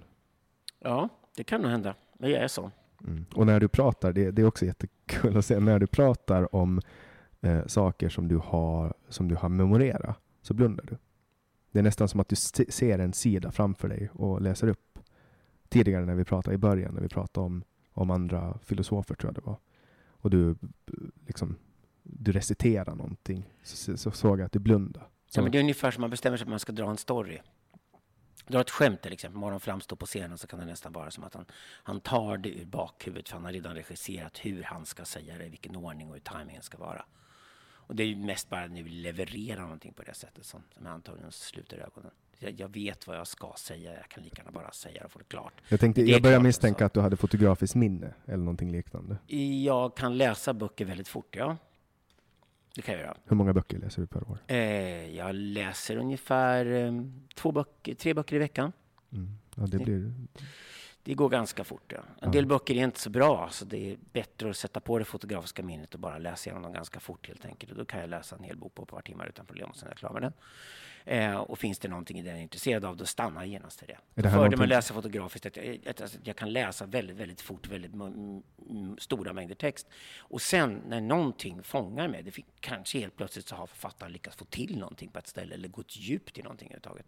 Då stannar jag med en gång och där kan jag sitta och gräva ner mig, som att stanna flera veckor istället och gräva om det finns massor att hämta. Och sen hoppar jag vidare. Har du alltid hållit på så? Att du läser extremt mycket? Ja, Vilken både jag och Jan Söderqvist älskar att läsa. Vi är spränglärda helt enkelt. Vi läser konstant. Vi läser böcker, tidningar, tidskrifter, hemsidor och sånt hela tiden. Läser, läser, läser, läser, läser, läser. Hela dagarna läser jag. är läsning eller att lyssna på poddar? vilket är mest tidskonsumerande? Podcast är, bör bli bättre och bättre. Och det är kanske också för att de är mer och mer utbildningsinriktade idag. Så att, till exempel nu, min kompis Simon Critchley, han är filosof, han är engelsman, han bor i New York, han är fantastiskt duktig. Han har gjort till exempel en ny podcast om Heideggers Sign Silent Sight, eller Varat och tiden. Och det är en av de största böckerna som skrivits i filosofins historia. Den är väldigt komplex. Och vad han helt enkelt sätter sig gör att han i detalj gör en podcast och går igenom hela boken. Och det är faktiskt så bra gjort att du får faktiskt tillgång till hela boken och alla tankar i boken via Simons sätt att vrida och vända på den. Och det är en otroligt lyckad podcast. Så, så det finns ju sådana som verkligen lyckas en podcast. Aron, Aron Flam, när han gjorde sin följetong, Det här är en svensk tiger, det var ju det var ett jättebra eh, exempel på en podd som sen blev en bok, tycker jag. Ja, eh. för det podcast har många fördelar. Du kan sitta och lyssna, du slipper läsa, du kan gå ut och promenera och gå, vilket är svårt att du ska läsa någonting. För mig är det ju liksom, det är informationsinnehållet som ska föras över jag, ska lära mig någonting helt enkelt. Och, och, jag kan använda vilket medium som helst. Jag kan lyssna på någon som pratar, eller en föreläsning. Jag kan absolut eh, kolla, lyssna på en podcast eller kolla på en webcast. Eh, det finns tv-dokumentärer som är skitbra. Många människor älskar ju dokumentärfilmerna för de kan ju lätt flytta över från den gamla tv-världen till online-världen. De passar ju perfekt där. Eh, så det finns ju många sätt att gå och göra en berättelse på det sättet. Eh, och du vill åt informationsinnehållet. Men, men, om jag till exempel tittar på en bok så då tittar jag gärna på bokens omslag, kollar lite bak på den alltihopa. Och sen tänker jag så här, vad vill författaren ha sagt? Varför skrevs den här boken? Ser det ut som ett beställningsjobb, som att till exempel bokförlaget fick för sig att vi ska ha en bok om det här ämnet. Någon person som kan låtsas kunna när det här ämnet har skrivit en bok, då vet jag att boken är skit på en gång. För det syns när man får ett beställningsjobb i händerna. Däremot om det är någon som har geggat ner sig någonting och verkligen nördat loss på ett ämne, som jag också är intresserad av, eller tycker är intressant för att det utmanar mig, då märker man en gång att det finns enormt mycket kärlek bakom boken. Och då är det ofta bra att börja i början på boken och så kolla slutet på boken och så tänka så, okej, okay, vad är det för premisser den boken är skriven med? Vad är det den försöker säga? Lyckas den med det eller inte? Och sen är det en, en annan sak som är spännande med boken och det är att en riktigt bra bok är ju inte, det är ju inte ambitionen bakom boken som egentligen förmedlas i det, utan det är ofta någon oavsiktlig grej i boken som tänder mig, som gör att jag tycker att det här var spännande, att se det på det här sättet, att de här begreppen var jätteroligt. Okej, okay, det vill jag jobba vidare med. Och det är samma sak med att lyssna på musik. Det är inte så att man sitter och lyssnar på eh, en massa idoler man har när man ska göra musik och sen så sitter man och kopierar vad de har gjort, för det blir bara, bara banalt. Det hörs med en gång. Ja. Men däremot är det så att man lyssnar på, ah, så här använder de en basgång. Ah, okej, okay. man kan använda basgång på det här sättet. Oh, den typen av ljud också använder de. Okej. Okay. Ja, men det kan inspirera mig. Då ska jag skriva en helt annan typ av låt än vad de gjorde. Men jag ska se om jag kan testa att använda den sortens basgång, för jag gillar det sättet att spela bas, på, i en annan setting. Och det är så du jobbar kreativt hela tiden. Du tar olika komponenter. Ofta, ofta kommer du på att vakna mitt i natten och kommer på att okej, okay, den sortens basgång från den typen av låt och den här sortens eh, Eh, liksom wall of sound, eller vad vi har för någonting, en, en pad till exempel från en annan typ av låt. Det skulle bli spännande att blanda, för det skulle låta jättekonstigt och jättespännande. Och så testar man det och så blandar man och upptäcker att det här blir jätteeffektivt. Och jag har aldrig hört det själv förut. Och det är så man jobbar filosofiskt också. Att det är inte så att en idé om till exempel Eh, om vårt samhälle funkar idag måste inte nödvändigtvis komma från sociologi eller liknande. Det kan mycket väl komma från emergensvektorteori eller något sånt där som är det är yttersta teorin för vad fysik och biologi och sånt är. Du kan mycket väl hämta det från fysikens värld. Du kan hämta det från eh, eh till exempel hur Big Bounce eller Big Bang gick till då för liksom 13,8 miljarder år sedan. Och i det förloppet hur det går till kan du hitta saker. Ah, så här kan saker utvecklas överhuvudtaget när ett bi föds eller till exempel ett socialt fenomen uppstår. För du kan metaforiskt flytta idéerna fram och tillbaka. Och det kan vara väldigt inspirerande. När du lyssnar på poddar, vilka poddar väljer du då? Eh, jag vill komma åt saker. Poddarna. Viss, vissa filosofiska poddar lyssnar på, följer hela vägen. Eh, intressanta möten gillar jag. Oväntade möten. Eh, när två tänkare som är både intresserade av möts och krockar med varandra så brukar det ofta uppstå där i slipningen mellan dem. Det är väldigt, väldigt spännande. Ehm, så det är, det är ett flöde helt enkelt. Det är nästan aldrig så att jag lyssnar på länk som polare skickar faktiskt. För länkarna är ofta söndertrasade vid laget. Det ska vara något väldigt, väldigt speciellt. Sen folk skickar mig länkar, säger, men snälla skicka inte privata länkar till mig. Posta dem på din egen wall så hittar jag säkert ändå. Om den är intressant. För det där privata länkskickandet dränker ju mejlkorgen hela tiden. Det blir väldigt tråkigt i längden. Så vad, har du något tips på någon svensk podd som du vill att folk borde lyssna på? Ja, tycker du är bra. Ja, tack. Aron Flam är grym i allting han gör tycker jag. Jag tycker Navid Modiri gör ett lysande jobb idag. Henrik Jönsson självklart en polare också. Han, alla hans grejer håller som vansinnigt hög kvalitet. Man kan lyssna på allting Henrik Jönsson gör. Det är skitbra. Så det är ju den sfären jag är med i idag. Liksom. Och sen kommer det dyka upp fler nya röster från den nya svenska vänstern också. Kommer det tyckas. Jag tycker Malcolm Keown och Marcus Allard gör ett skitbra jobb med sin politiska podcast också. Speciellt som tar ett ovanligt marxistiskt grepp för att försöka förstå samtiden. Det är alltid intressant att lyssna på. Vad har du för relation till Pink Floyd? Pink Floyd är för mig det man lyssnar på när man rökte hash första gången i tonåren. Alltså, det blir som kliché sen. Så att, ah, ah, Dark Side of the Moon och Braj. Liksom, ah, jag vet inte. Det, det, det är dads rock för mig. Jag, jag, är svårt, jag har svårt att relatera emotionellt till Pink Floyd för att det är så förknippat med 70-talet och sen åka till USA. Jag bodde i USA när The Wall kom och då gick man och såg The Wall-turnén. Det var väldigt spektakulärt, lite småsekt om jag ska vara ärligt var det väl kanske, men, men det var väldigt spektakulärt och pompöst. Så här. Lite ambitiösa musiker. Men det appellerade liksom till folk som var pretentiösa med sin musiksmak men inte orkade ta sig igenom Bach. De lyssnade på Pink Floyd ungefär. Så det är inte mitt favoritband, det är det inte. Vilket är ditt favoritband då? Jag gillar egentligen gutsy, slamrig eh, glampunk liksom egentligen. Jag var ett David Bowie-fan såklart, men vem var inte det? Eh, Mark Bolan var min första stora idolband på 70-talet som jag själv ville bli. Vara som. Han dog i en bilkrasch 1977, hade förmodligen agorafobi, så där har du den storyn igen.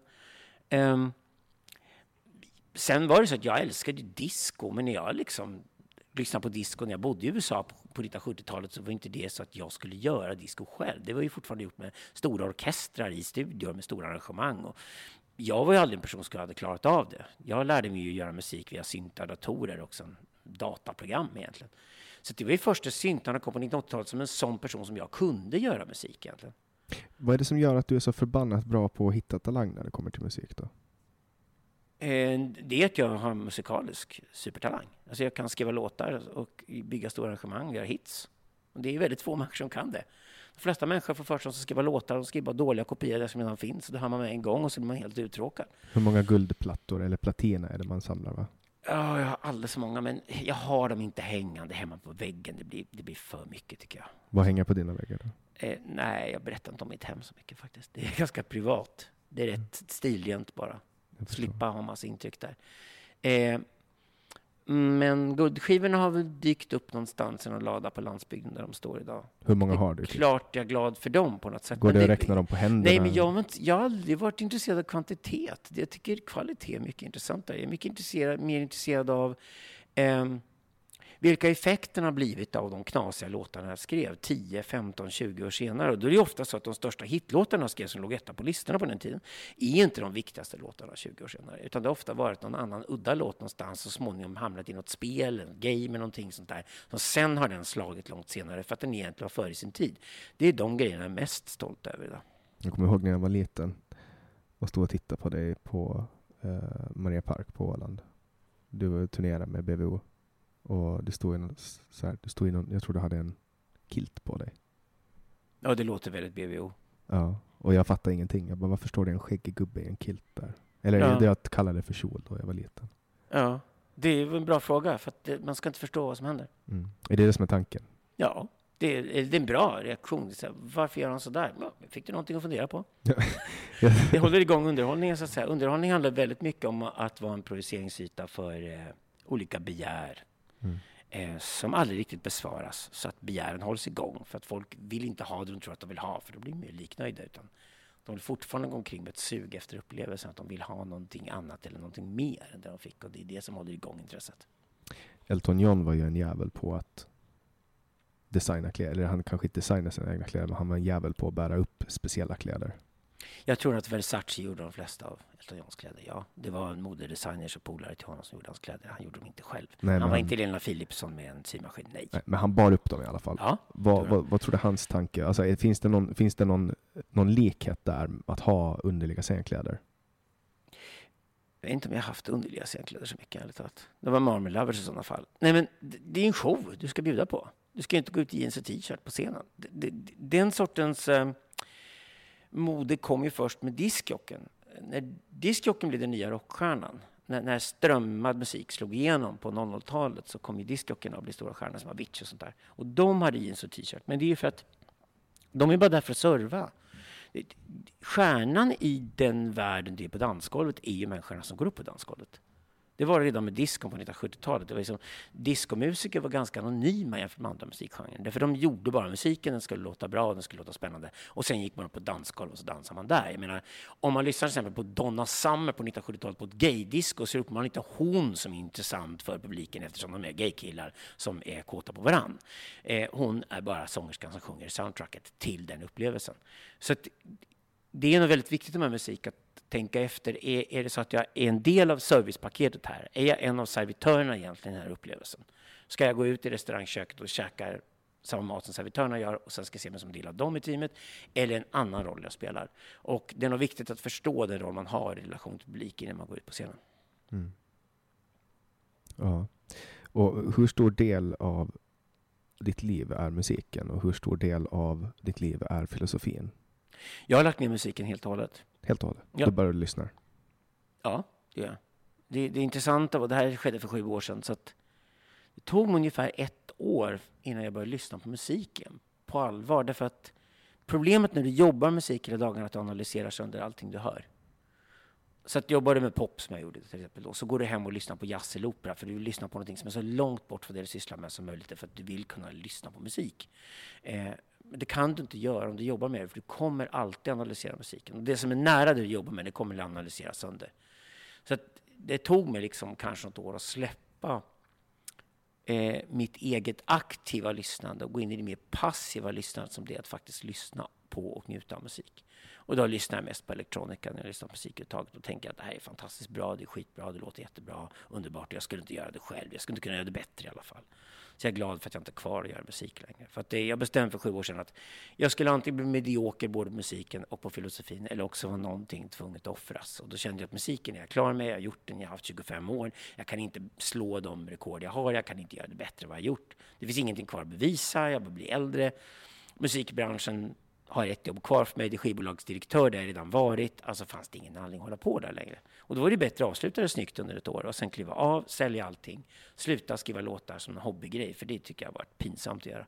Och istället gå in för att bli filosof på riktigt, verkligen satsa det. Så att det, jag och Jan Söderqvist hade skrivit vår första trilogi, den som heter Futurika-trilogin, de första tre böckerna. Och då bestämde oss för att göra den här andra trilogin, exotologin som den kallas, som vi jobbar med det. Synteismen är första boken som kom ut där, sen kom Digital libid och den tredje boken kommer väl komma ett par år när vi är klara med den. Och sen är den trilogin klar. Och det är den trilogin vi verkligen satsade på att skriva ordentligt när jag klev av musiken för sju år sedan och Jan och jag bestämde oss nu går vi all in och blir riktigt bra filosofer i världsklass. Hur jobbar ni? Vi eh, tar kanske ett år på oss först i början på processen och tänker efter vart vi är på väg. Sen försöker vi sätta oss ner efter något år och tittar på kartan kan man säga. Alltså vad håller alla andra på med just nu? Och vad är det vi skulle kunna vara perfekt lämpade för att säga? Var på kartan befinner vi oss? Var, var någonstans är det där vårt bidrag kommer vara centralt? För det blir absolut roligast att jobba med någonting man märker att det här är vi bäst på. Hur, det här hur är, dialogen mellan er? Pratar ni i telefon eller? Nej, vi träffas då. Under tiden så försöker vi vara så oberoende av varandra som möjligt så att vi bara konsumerar mängder av intryck helt enkelt. Läser massor framförallt.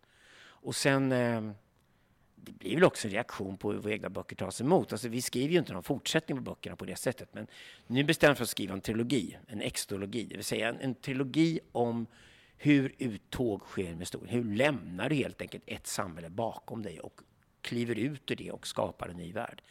Och det var den intressanta frågan vi ville ställa oss. Därför skrev vi syntisboken som handlar om hur skapar man Gud överhuvudtaget? Hur går det till? Det vill säga ordet Gud är jättebra för någonting som kommer i framtiden. Ateister är bara fantasilösa. De har bara vänt hela skutan fel.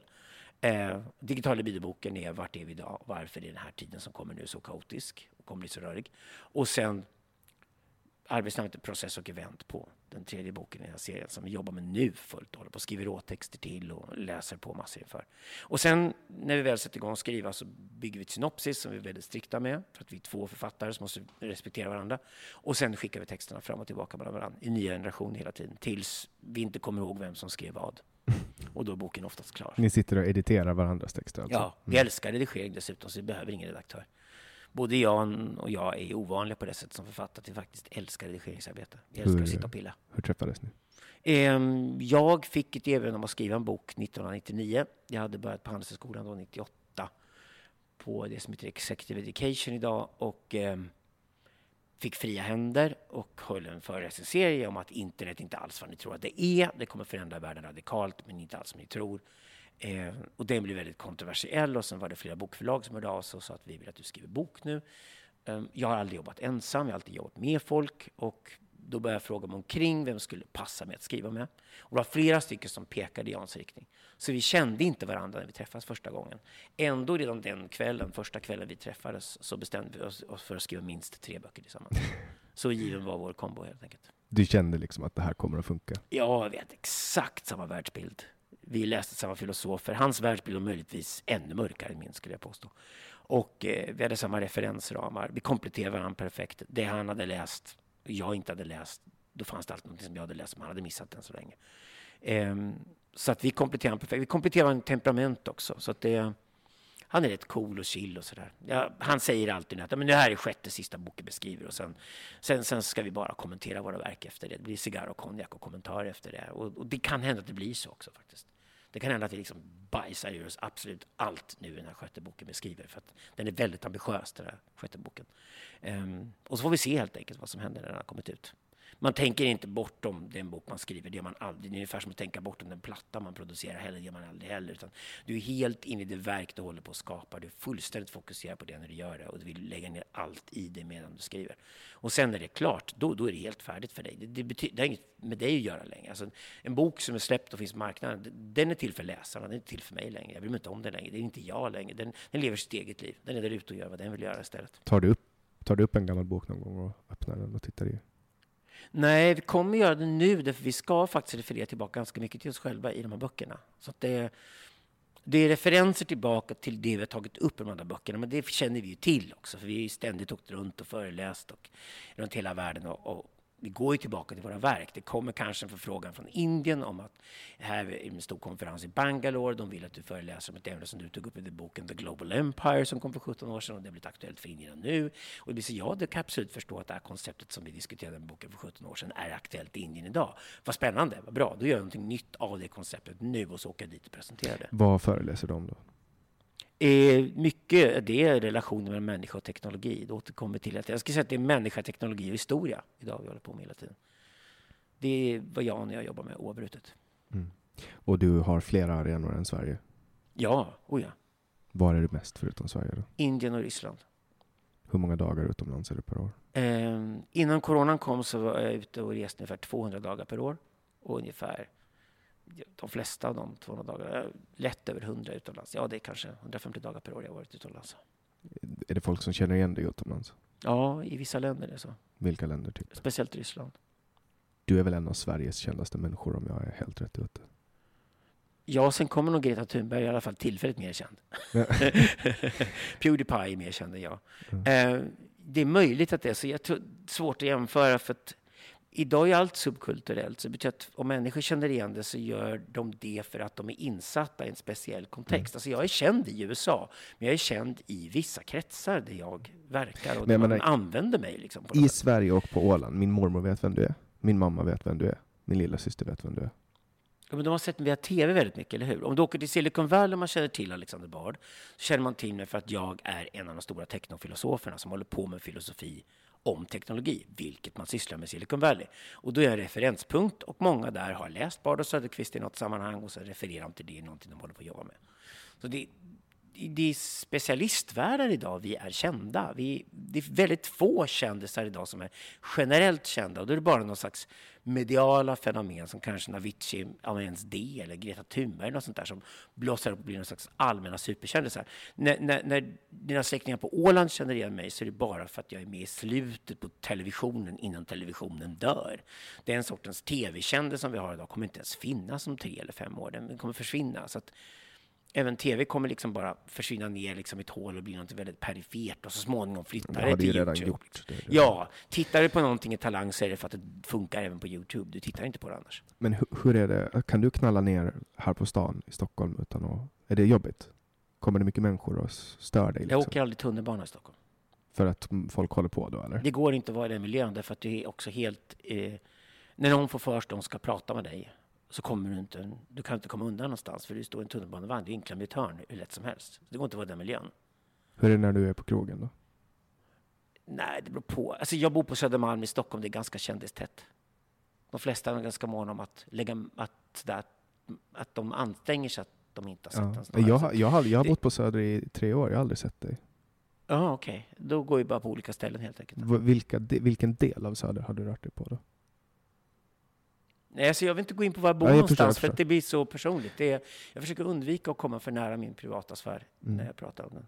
Du låter lite som eh, hon, eh, vad heter hon då? Anne Ramberg? Advokatsamfundet. Heter hon så? Du menar att det offentliga personer som vill vara privata är nog ganska många som är faktiskt. Och har de varit med ett tag så upptäcker de att privatliv blir ännu värdefullare med tiden. Så Jag har aldrig, jag har aldrig någonsin öppnat min kylskåpsdörr för en tv-kamera. Jag skulle aldrig drömma om att göra det. det mitt privatliv är extremt privat. Vem jag lever med och vad jag håller på med i mitt privatliv är väldigt privat. Jag vill, jag vill inte ha det utfläkt offentligt. Jag vill inte att min familj ska vara kändisar bara för att de råkar leva med mig. Det blir jättekonstigt. Mm. Hemma är jag bara jag, helt enkelt. Jag är inte någon kändis alls. Det kanske blir med att gå ut på gatan när någon känner igen mig där, men det, det är ingenting jag är privat. Jag har ju sett extremt mycket kändisar på Södermalm. Speciellt socialdemokratiska politiker. De gillar att knalla runt där. Ja, det är väldigt hög, hög procent miljöpartister, tror jag fortfarande, där jag bor. Ehm, men det är bra att det finns några som inte är miljöpartister då, som jag. Mm. ja. Men du har aldrig gjort ett hemma hos-reportage då? Nej, Kommer aldrig att göra? nej, jag kommer aldrig göra det. Mm. Jag ser inte någon anledning alls att fläka ut mig själv liksom, för kamerorna inför offentligheten. Jag förstår inte folk som gör det. De, de måste bli helt själlösa till slut. Men när du, när du går på stan, kommer folk att stanna dig då? Nej, så här är det att det är väldigt intensivt när man just är på TV, för det är väldigt många som tycker att de har tillgång till den bara för att de just har sett den på TV. Då blir det väldigt många människor som kommer fram och ska ha reaktioner av olika slag. Jag vägrar till exempel att ta bilder med folk numera. Så det slutade med för kanske fyra år sedan, för att jag tyckte det var extremt kränkande mer eller mindre. Folk skulle komma fram. Jag vill ha en bild med dig Bard. Så här. Men snälla du, det var inte en speciellt originell fråga. Det var typ en av 600 som frågade mig idag. Det är ärligt talat, jag går ner för den här gatan med en polare, jag vill inte vara störd. Vad, vad ger dig rätt att springa runt och kräva att ta bilder med mig? Vad, vad har jag för vinning av det? Va- Varför? Det, det, det är inte så att jag, jag är inte känd för att vara någon slags allmängods som man kan bolla runt med, som en katt bollar runt med en liten leksak ungefär. Det funkar inte så. Och det är just den här fantasilösheten i att folk kommer på att nu ska jag dränka Alexander min skit. Nu ska jag kasta iväg ett brev eller mejl till honom eller jag ska spela upp i musik för honom eller någon, på något annat sätt så ska han upptäcka mig privat ungefär. Det är jättetråkigt. Och folk, har det hänt någon gång att, att någon har liksom skickat någonting till dig och så har du upptäckt dem privat? Nej, det går inte till på det sättet skulle jag påstå. Och framförallt inte upptäckt, inte professionellt upptäckt. Det går inte till på det sättet. Om någon gör någonting anmärkningsvärt så får man, man hör talas om det. Långt innan det väl hände. Det är därför jag lärde mig på skivbolag på 1990-talet att vi hade en stor potatissäck i där vi slängde alla kassetterna som folk skickade in hela tiden med sina demokassetter som det hette. Där vi visste att om någon där ute gör någonting bra kommer vi höra talas om det. Det kommer bli snack om en grej om den är riktigt bra. Liksom så här. så det var, liksom, det var den praon som just kom in på kontoret som fick sitta och lyssna igenom alla demokassetterna och så skicka ett vänligt svar tillbaka. Så att, nej, du är inte nya Carola eller, eller vi, vi, vi, lycka till någon annanstans, men vi hör av oss om vi, inte, inte, vi hör av oss om vi är intresserade. Det är det man svarar ofta. Så. Och, och det blir så därför att du blir en projiceringsyta för så många människor som slänger på dig så mycket saker som just du helt plötsligt ska ha massor med tid att ägna dig åt. Jag var ju sjuk i covid-19 till exempel här under våren 2020 och eh, det stod i tidningen att jag låg intagen på sjukhus och var sjuk. Och fick tusentals mejl från folk som krävde att jag skulle höra av mig till just dem för att bekräfta om jag var sjuk eller levande eller död. Ungefär som att jag skulle ligga i en respirator, liksom döende i sjukhus och skulle ägna mig åt att svara på tusentals mejl samtidigt för att de var oroliga. Det, det, det, det är en total brist på att försöka sätta sig in i en annan människas liv och kontext det handlar om väldigt ofta när man kommer nära kändisskapet. För vi refererar till kända personer som om de vore kompis eller familjemedlemmar, men i själva verket är de ju inte det. De är projiceringsyta för en publik. Och till slut blir man bara trött på det där och tycker att det där var inte så kul längre.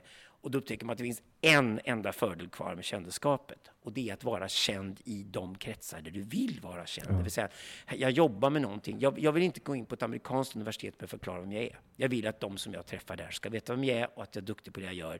Så att jag direkt omgående kan komma fram till hur vi ska samarbeta. Mm. Jag har märkt av lite av den där effekten. Just att människor som, som lyssnar på podden, som tar kontakt med mig, tror ofta att de, alltså för dem känns det som att de känner mig. Ja. Och därför kan de prata med mig som om jag vore deras vän, som att jag visste vem de var. Och det är, väldigt, det är ett väldigt, väldigt vänligt och så här kamratligt sätt att bete sig. Men, men jag har märkt att det har, liksom, det har blivit mer och mer så på senaste. Ja, det kommer bli värre ju mer populär det blir. Men ing, ingen fattar kontexter. Alltså jag sitter med kommunikationsbyråer på stora företag där jag får tala om för dem att jag har kollat här nu i datan, men det är så att det sista massmejlet ni skickade ut här landade alltså i spamkorgen hos 98 procent av alla människor och de markerade att de hatade vad ni skrev. De hatade att ni skickade någonting överhuvudtaget. Oj då, säger de då. Men om ni inte ens har en uppfattning om hur ni blir mottagna, vad fan har ni ett jobb för överhuvudtaget då? Det är helt otroligt. Att, vi vet till exempel om de här reklamfilmerna vi får på Youtube hela tiden, att 995 gånger av 1000 trycker man omgående efter fem sekunder och vill ha bort den här reklamen. Man vill inte se den. Vi hatar reklam i vårt samhälle idag.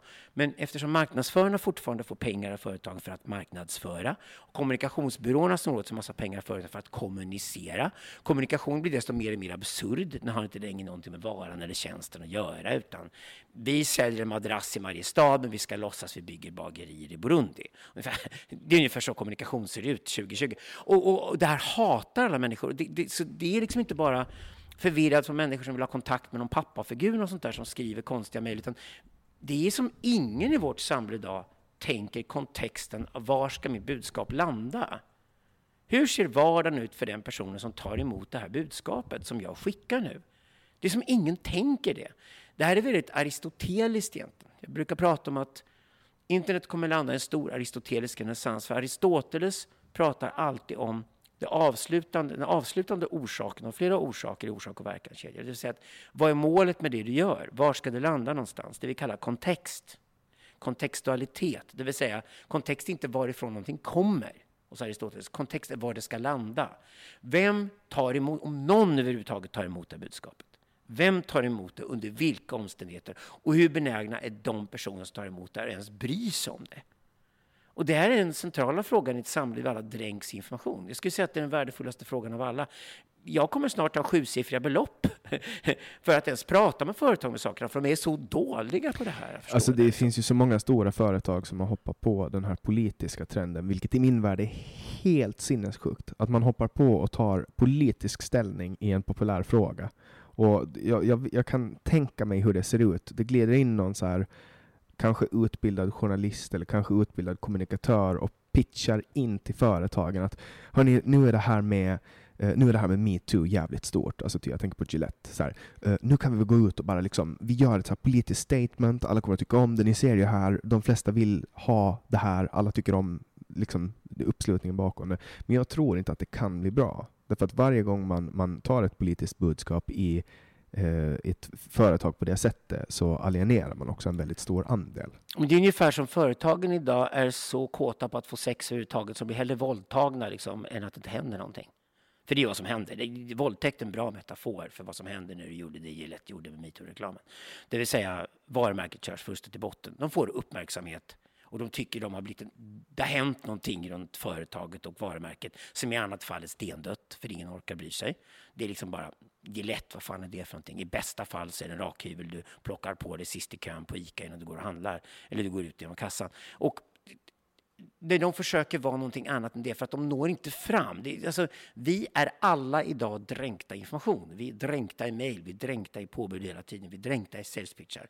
Vi spyr på det här, vi hatar det här. Vi får höra överallt att Google inte gillar när vi stoppar in en adblocker i vår Google Chrome eller vad det är för någonting, men vi vill ha adblockern. Vi vill ha spamfilten. vi vill bli av med så mycket som möjligt. Vi skiter till och med om, om genuina, viktiga budskap för oss går förlorade, för det är så mycket smörja hela tiden. Så den här spamdöden som företagen då landar i, deras sätt att försöka ta sig runt är när marknadsföring inte funkar längre. För den var ju tillräckligt konstig förut. Att marknadsföring hade ingenting med produkten att göra. Och det är ungefär som man sen extrapolerar och tar det ett varv till. Och nu har det blivit så absurt så att politik är det företag sysslar med för att låtsas som att politik är någonting de vill bli förknippade med. För att det tror de att folk ska prata om, det ska tyckas om det om de gör det. Speciellt om det är absurt, det vill säga varumärket, produkten du förväntas sälja, priset du sätter på den produkten, hur du säljer den, har ingenting att göra med historien du berättar. Och när de här två grejerna stuckit från varandra, då är det fullständigt schizofrent det budskapet. Och dit är företagen väg idag, därför att på företagen har släppt in kommunikationsbyråerna och kommunikatörerna har kommit in. I Sverige tror jag det är speciellt akut därför att många av kommunikatörerna och företagen här är gamla journalister från statsmedier. Det är gamla radio och tv-journalister som letar sig in på företagen idag. De kan ingenting om marknadsföring överhuvudtaget eller marknadsföringshistoria. De går in på företagen och säger oh, men ni marknadsför ju bara en vanlig billig eh, hemsk produkt. Så kan vi inte ha det. Det här måste vara en ball arbetsplats att jobba på. Här måste man tycka att det är spännande att gå till jobbet varje dag. Vi måste hålla på med något viktigt. Och så bör man liksom stoppa in välgörenhetsgalor på något sätt i företagens kärnverksamheter. Det kommer aldrig hålla. Det, det, det, det, är som, det är som gjort för att det kommer gå åt skogen. Och 2020-talet kommer att handla om en, en stor uppgörelse med den här walkifieringen som vi har i näringslivet. Det är helt övertygad Den bästa reklamen är ju alltid en väldigt bra produkt. Och att lägga ner så extremt stora mängder pengar på marknadsföring som man gör nu och kanske låter produktutvecklingen halka efter. Det känns lite, det känns lite konstigt att man tänker på det sättet. men det är bara att titta på vad ni handlar. Vad gör ni handlar? Att du googlar först för att hitta den produkt du ska ha. Sökmotoroptimera. Sökmotoroptimering. Ja, nej, inte optimering, absolut inte, utan algoritm. Ren algoritm. Du vill inte ha optimering. Sökoptimering har företagen sysslar med att försöka manipulera algoritmerna. Det är en skit alltså. Sökoptimering är organiserat ljugande. Det är vad företag sysslar med.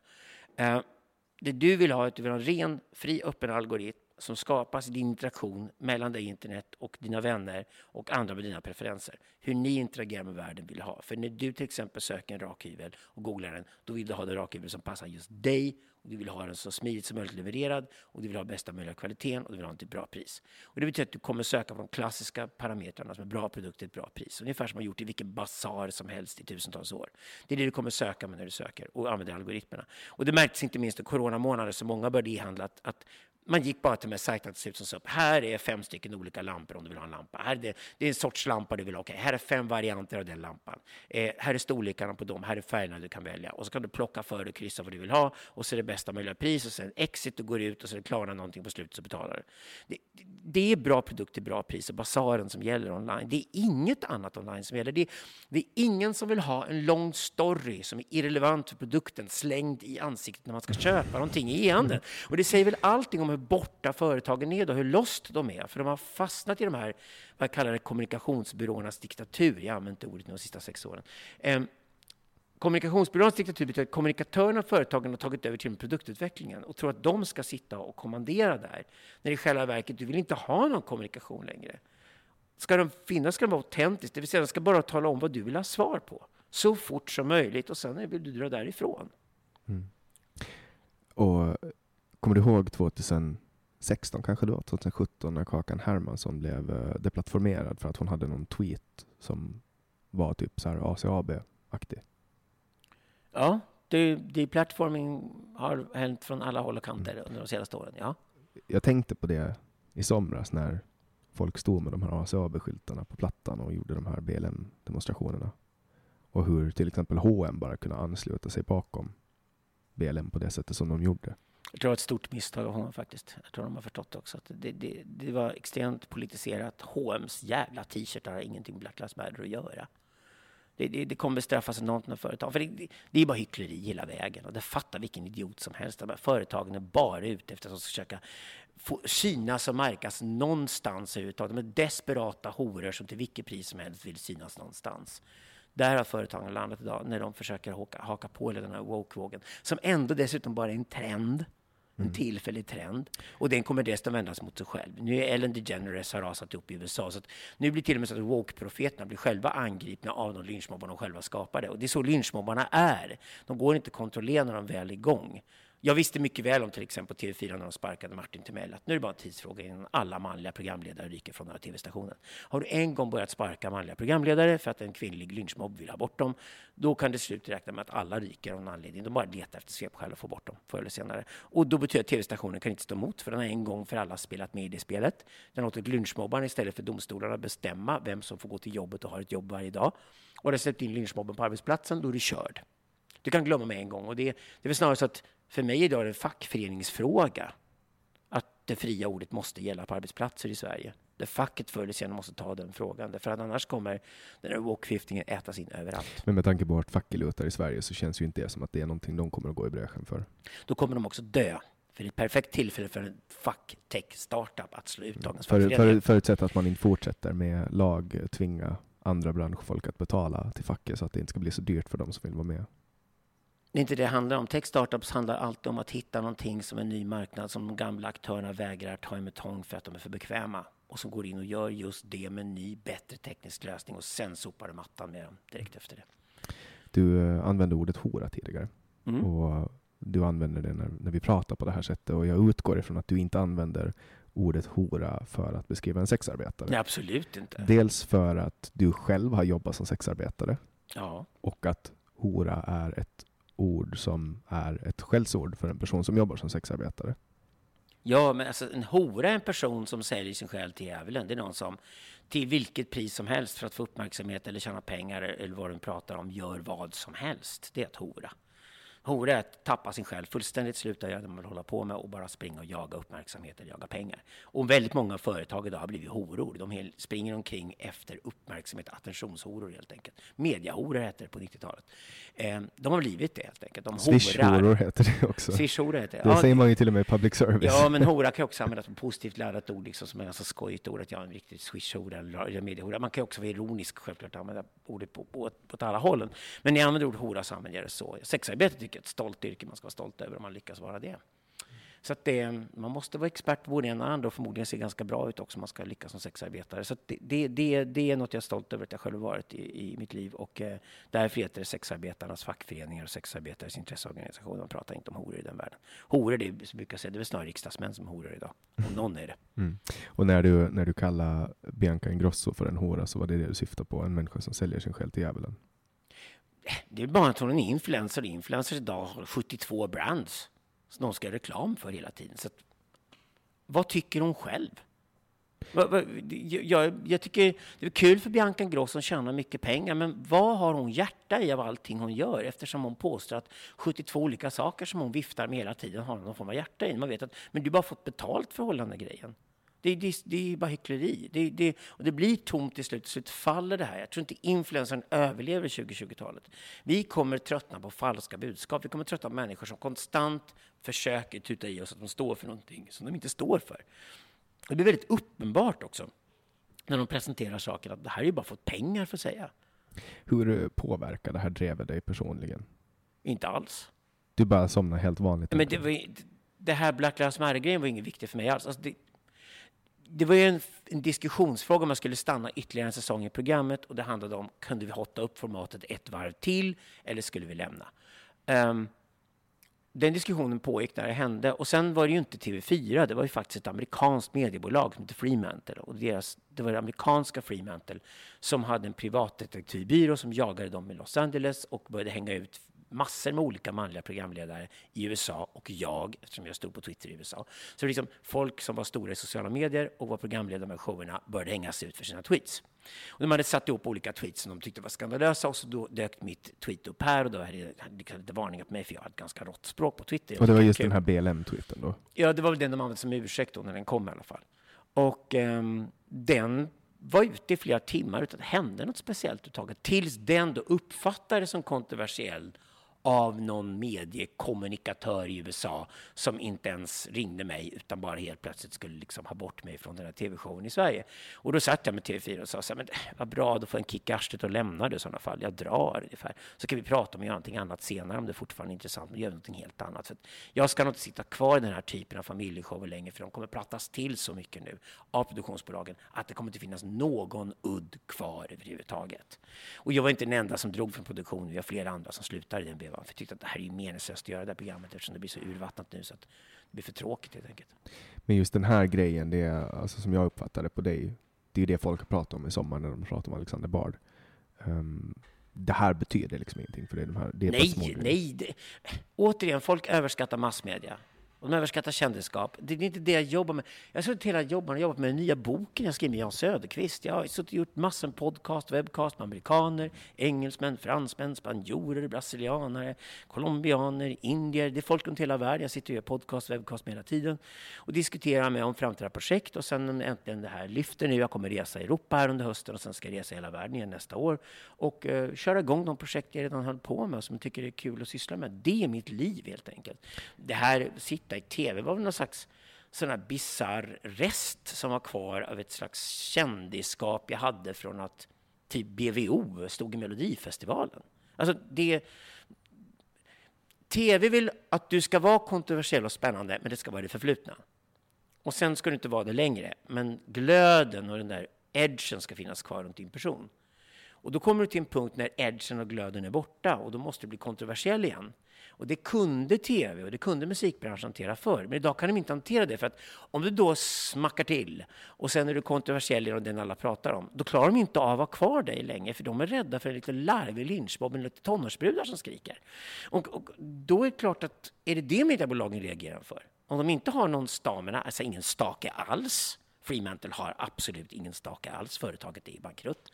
Och då då är det klart att de inte står emot det. Men då är också mediet dött. Det är, det är, inte ens roligt att jobba med tv eftersom det inte går att göra någonting där. Det är, det är inte så att du ersätter Alexander Bard med ny Alexander Bard. Du kommer garanterat ersätta mig i den juryn med någon, bless him or her, men med någon person som sitter där och säger flaskhals, alltså, alltså, alltså inte retar någon. kommer garanterat sätta någon där som inte retar någon. Och sen kommer man undra, men nu försvann jag Ledge från programmet. Ja, det är klart det gör.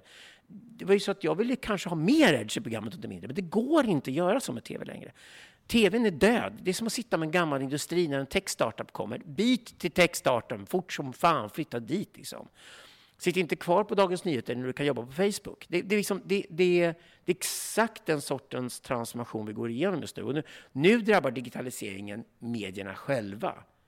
Tidningarna har jättesvårt att överleva. Tidningshusen har skitsvårt att gå ihop överhuvudtaget. De försöker bli totalt digitala, bli av med pappersutgivningar och sånt där, för det kostar bara pengar för dem idag att hålla på med stora tryckerier och sådana saker. Precis som skivbolagen vill bli av med CD-skivorna till slut. Kan vi bara slippa dem och så strömmar musik via Spotify och försöker plocka in royalties, så, så är det det enda vi gör. Så vi går över till en fullständigt digital sfär och hoppas vi överlever. Och där skulle jag säga idag att om jag pratar med tv-bolag idag och de vill göra någonting som är spännande, när jag pratar med dem vad jag skulle tycka var kul att göra, och så skrattar de och säger att ah, det här vore skitkul att göra. Så jag säger, jag gör det redan. Va? Jag gör redan det med Henrik Jönsson, David Modir och andra idag. Vi bara sätter oss någonstans, sätter på ett par kameror på mikrofoner och så pratar vi och så har vi 500 000 människor som tittar. Vad ska jag med tv-bolag till då? Och det kan inte tv-bolagen svara på. Och det är där de är rökta. Men du har egna podcasts också? Nej, jag kör ingen egen podcast alls. Jag är gäst i så många andra podcast att det bara rör ihop det. Mm. Jag, eh, jag och Andrew Sweeney gör en väldigt avancerad experimentpodcast tillsammans. Och det är för att studenter som följer oss, filosofiska studenter, ska kunna få följa arbetet, hur det går till när man utvecklar en hel bok och alla koncepten i. Så, så att vi, vi sitter och pratar om väldigt avancerade saker, jätteavancerade diskussioner. Men vi har 800 som laddar ner så fort vi lägger upp varje samtal vi har. Och sen har vi med gäster och pratar om hela idéhistorien. Vi går in på ja, mängder med olika detaljer. Mycket sånt som jag sitter och jobbar med mina böcker just nu såklart. Men, men eh, Andrew Sweeney är en gammal vän till mig. Han bor i Paris, kanadensare, och han och jag har hållit på med det här ett par år. Så vi, vi, det är inte vår egen podcast, utan det är bara det är en podcast, webcast, vad det nu vi kallar en zoomcast, som vi gör där vi bara skitigt och slafsigt sätter på kameran, sätter på micken och berättar om vad vi jobbar med just nu. Mm. Så att studenter som är intresserade kan följa det. Och nu har flera av våra studenter startat podcast och webcast och så är vi gäster med dem och har samtal med dem och så får de massor med nya lyssnare och ny ung generation når fram och idéerna som vi skapar, eller memerna vi skapar, sprids med enorm hastighet idag till de människor som är intresserade. Mm. Förhoppningsvis är jag en, eh, om ett år från nu en färsk nybakad filosofistudent. Ja, mitt, mitt, mål. Mitt, Ja. mål, mitt mål är att läsa praktisk filosofi om ett år. Skippa den praktiska och teoretiska överhuvudtaget. Det är bara i Uppsala man håller på med den uppdelningen fortfarande. Resten Vad ska jag hoppa på då? Resten av världen håller på med filosofi, punkt slut. Det, vill Filosofi. säga, det är idéhistoria överhuvudtaget. Idéhistoria? Ja. Men det är det du tycker att jag ska hoppa på då? Ja. Och läs hela historien. Läs österländsk filosofi, läs grekisk filosofi, läs allt så mycket du kan.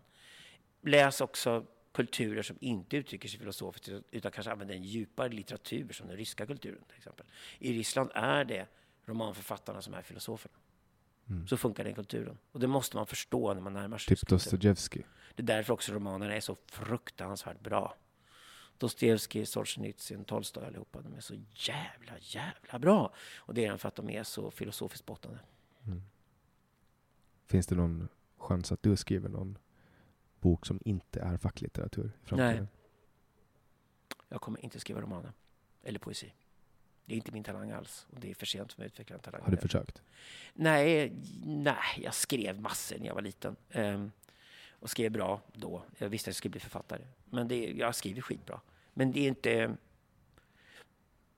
Nej. Jag älskar filosofi för mycket faktiskt. Jag har alltid gillat det mer än allting annat och jag är bra på det och då ska jag hålla på med det också. Vad krävs för en, för en bra filosof då? Att du kan tänka tankar som ingen annan har tänkt. Det är så enkelt. det låter enkelt. Ja, det är så här att du kan inte kommentera vad andra skrivit, för det är inte filosofi. Det är ungefär som att jämföra en konstnär med en konstlärare. Om du kan citera alla andra filosofer och sammanställa vad de har sagt, då är du filosofilärare, du är inte filosof. Filosof är ett konstnärligt yrke. Du måste säga någonting nytt som ingen har sagt tidigare. Du måste uppfinna, presentera ett koncept som ingen någonsin har tänkt. Annars är du inte filosof. Det gör jag och Jan hela tiden. Vi hade inte ens ambitioner med det. Första boken vi skrev, Netokraterna för 20 år sedan, var i första hand ett sociologiskt arbete om det kommande internetsamhället. Men det fanns ingen vokabulär, det fanns inte ord eller begrepp eller koncept för att förstå vad internet egentligen var. Det fanns inte ens en förklaring på vad internet var. Så jag är tvungen att göra det. Och redan vi upptäckte när vi skrev de första böckerna där, Netokraterna och det globala, globala imperiet, att men vänta nu, vi uppfinner ju koncepten som alla andra som sen gör antropologi baserad på internetsamhället kommer använda sig av. Alltså är vi filosoferna som gör det filosofiska arbetet. Och sen var det klart för oss att det var på det sättet. Sen har vi varit i dialog med andra filosofer hela tiden och vi citerar varandra fram och tillbaka. Och det, man hamnar i vad som kallas en diskurs, det vill säga det blir filosofer att andra filosofer börjar citera och referera till dig. Och då är vi de som är i den änden av filosofins värld idag som ligger närmast interfacet människa-teknologi och dit rör sig hela filosofins värld idag. Och då blir Jan och jag stora i USA, Indien och sådana länder för vi har varit på den platsen hela tiden. Vi har träget jobbat där i över 20 års tid. Nu börjar filosofin röra sig mot det området med alla andra diskurser som är på väg dit och då står vi plötsligt där och är veteraner som varit med länge. Men du ger dig inte in i den ekonomiska delen av samhällsbygget? Jo, jag är nationalekonom botten, så det kan jag absolut göra. Men eh, det är inte intressant filosofiskt, ärligt talat. Vilket är det bästa sättet att organisera ett samhälle när det kommer till ekonomi? Då? Är, det den, är, är den österrikiska skolan? Nej, det finns bara ett sätt att organisera ett samhälle ekonomiskt. Det heter ekonomi. Det finns inga ismer. Så det jag stenhålla med. Det finns bara hinder. Så att basarer är ekonomi. Lasses fär? Nej, det är inte ett ideal på något sätt. Alltså, utan, utan en basar om en basar funkar till tusen år så kan du lära dig massor att gå in i en basar. Det är ju Lasses Nej, det är inte alls Lasses Då finns det någon Det finns massor med regler runt basarer. Det finns regler om vem som får jobba i basaren, var du ställer de som handlar mattor, var du ställer de som handlar lampor eh, och så liknande. Du, du organiserar basaren på ett optimalt sätt för att idka så mycket handel som möjligt, men också för att kunderna som kommer in dörren ska få en optimal upplevelse och få tag på det de vill ha så smidigt som möjligt. Så det underlättar helt enkelt handeln i allting du gör. Och det måste du organisera. Det kräver en arkitektur, det kräver infrastruktur. Och arkitekturen och infrastrukturen runt själva handeln måste byggas. Det är organi organisering, absolut, men, men jag tänker på reglering. Men regleringen kom ju på den, till exempel alla mattförsäljarna ska stå vid den vänstra väggen där borta och de ska sälja mattorna på tisdagar och torsdagar. Men det är överenskommelser. Nej, det är reglering. Det är ingen som kommer att säga... Det är vad reglering är. Vi, det, det är ju inte att vi kommer att säga vi kommer att hugga huvudet av dig om du säljer persiska mattor här. Jo, det är att du, du får aldrig mer sälja den här basaren, det vill säga du är död, symboliskt död, om du inte följer våra regler. Det är reglering, det är vad reglering är för någonting. Varenda fungerande basar längs sidenvägen i tusentals år har haft regleringar. De regleringarna möjliggör handeln. Och sen kommer du på efterhand att det är inte bra om en handlare slår ut alla andra. Till slut har ett monopol på mattor kommer pris på mattor stiga snabbt och den som säljer mattorna kommer bli tröttare och tröttare. Och innan det i sådana fall det rasar ihop det systemet är det bättre i sådana fall så sönder det systemet. Så du säger så att okej, okay, vi ska därför medvetet sätta fyra stycken andra mattförsäljare till den här mattförsäljaren som dominerar för att vi kan inte ha ett stort monopol som, som förstör marknaden på sikt. Och varför Sovjetekonomin rasade ihop var inte för att den var kommunistisk. Den rasade ihop för att det blev väldigt många monopol som så småningom drevs av privilegierade eliter som inte har något som, som helst intresse av att utveckla sin affärsmodell för de satt och tjänade pengar utan att anstränga sig. Ungefär som en stor del av offentlig sektor funkar i Sverige idag. Ungefär vart tredje jobb i Sverige idag är, är meningslöst och dysfunktionellt egentligen. Och det blir en stor broms på hela ekonomin. Eh, det kan man reglera bort då måste man vara medveten om det. Då krävs det ofta ett nytt fräscht styre som kommer in och säger att vi ska ta bort den och den biten därför att de försämrar effektiviteten i systemet som helhet. Så när du tittar på en infrastruktur, en basar, då tittar du på att optimera effektiviteten i flödena i basaren. Det kräver arkitektur och infrastruktur och då blir det regleringar. Sen kan handeln blomma innanför det systemet. Men du måste ha ett regelverk runt det. Det är samma sak med att om du till exempel har mynt eller valutor i ett system så kommer du överens om att de mynt och de här valutorna ska gälla det här systemet. De använder vi så att de två stycken som idkar handel med varandra kan byta varor med varandra så kan de låtsas att det finns en tredje virtuell part med i, i spelet som så småningom blir någon annan person som tar emot pengarna och man byter handel med en tredje part. Och, och de här systemen är så oerhört mycket effektivare efterhand än att bara du måste leta någon som du ska byta med. Och det leder oss in på, på det här med kreditexpansion. Vad tycker du om det? Jag har ingen synpunkt på kreditexpansion i sig. Det kan väl vara jättesmidigt att öka krediterna i system för att hålla igång ett system, rädda det eller effektivisera om du kan göra det. Eh, sen är det ju så att om du trycker pengar i längden, om det inte då skapar ett högre produktivt värde i ett sådant system, kommer du få inflation. Du bara skjuter inflationen framför dig. Men vem är det som har bestämt att vi ska ha en ständig inflation då? För att regeringen försöker ju alltid eftersträva en inflation på är det 2 årligen, 2-3% årligen. Därför att deflation är destruktivare än inflation i, i optimala organiska system. Så deflation kan det vara tillfälligt. Om du har väldigt snabb tillväxt i systemet så kan deflationstryck vara bra. USA hade hög deflation till exempel de sista 30 åren på 1800-talet, men det var för att den ekonomiska tillväxten i USA var enorm under den perioden. Inte minst beroende på att de tog emot så många invandrare från Europa. Så det kan finnas historiska perioder när tillväxt förenas med deflationstryck. Kina ju var ju det också mellan, mellan 70 fram till 00-talet. Men, men det, det, är mer parenteser i historien. De flesta ekonomiska system mår bäst av en låg puttrande inflation för att det finns liksom ett, ett värde i att låta pengarna gå tillbaka ut i omsättning så att inte folk går hem och stoppar pengarna i madrassen. Och det är problemet med den ekonomi vi har idag, att vi har ett starkt deflationstryck på grund av teknologisk expansion. Vi fick deflationstryck för att Kina, Indien, stora nya manufaktureringsländer gick in på världsmarknaden och pressade ner kostnaderna. Man kan skapa mer med mindre resurser. Ja, och så fick ju Walmart och Ikea som sålde billigt i hela världen. Och sen efter det hade hänt så fick vi en teknologisk expansion de sista 20 åren. Och det är den som slår igenom deflationstrycket vi har i världsekonomin idag. Problemet är att det trycks så mycket pengar de pengarna landar i madrasser och låses in någonstans med nästan ingen utdelning till största delen. Japanska hemmafruar till exempel går till banker och får 0 ränta och sätter in pengarna där. Det är som att stoppa pengarna i madrassen. Och det är så mycket av valutan som trycks idag försvinner. Och då måste man trycka ännu mer valuta och krediter expandera för att få den effekt man sökte när man, man expanderar krediterna. För att hålla igång ekonomin helt enkelt. Någonstans förr eller senare kommer ju någon öppna den där madrassen, ta ut de här sedlarna och vilja handla för dem. Och då kommer inflationen sätta ta fart. Så det är ett problem man skjuter framför sig kan man säga. Mm. Jag hade faktiskt ingen aning om att du var nationalekonom. Det är akademiskt. Ekonomisk geograf till och med.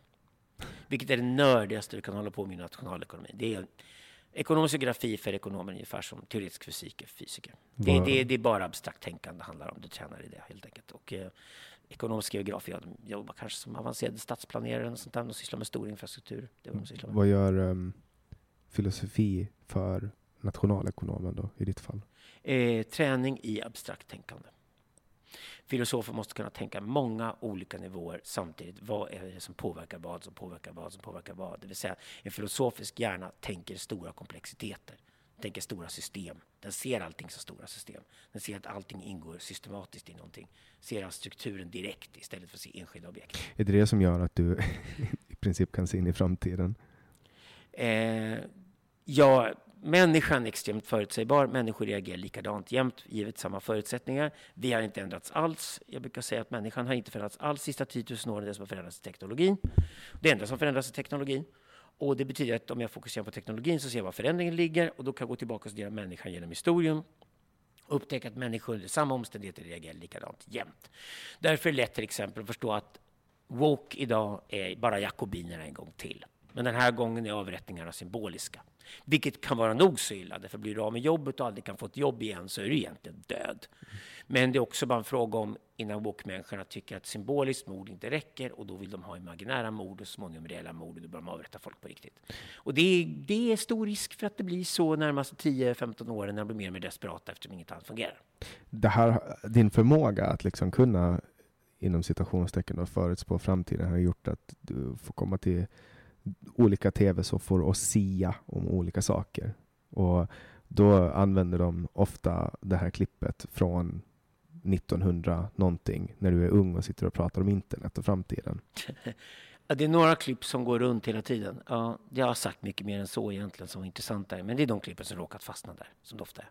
Och sen refererar man tillbaka dem hela tiden. Eh, nu ska du också lägga märke till att det är inte så att man alltid får komma och sitta och prata om framtiden. För ibland är framtiden väldigt obekväm. Och just tv-soffor kommer du inte att se mig mycket mer eftersom jag det första kommer att säga tv-soffan att sorry, där mediet är dött, vad gör jag här? Liksom. Så att jag sitter hellre idag på internet och eh, profiterar. Du sitter hellre med en, med en uh, liten ålänning liksom? Ja, som ska bli nästa Henrik Jönsson, nästa Navid Modiri. Ja, jag sitter tror, mycket tror här och pratar om framtiden. Tror du att det är så? Är jag nästa? Det hänger på dig. Om jag fortsätter göra som jag har gjort nu? Trackar folk på Facebook som jag trackar dig? Gör det. Om det funkar så funkar det.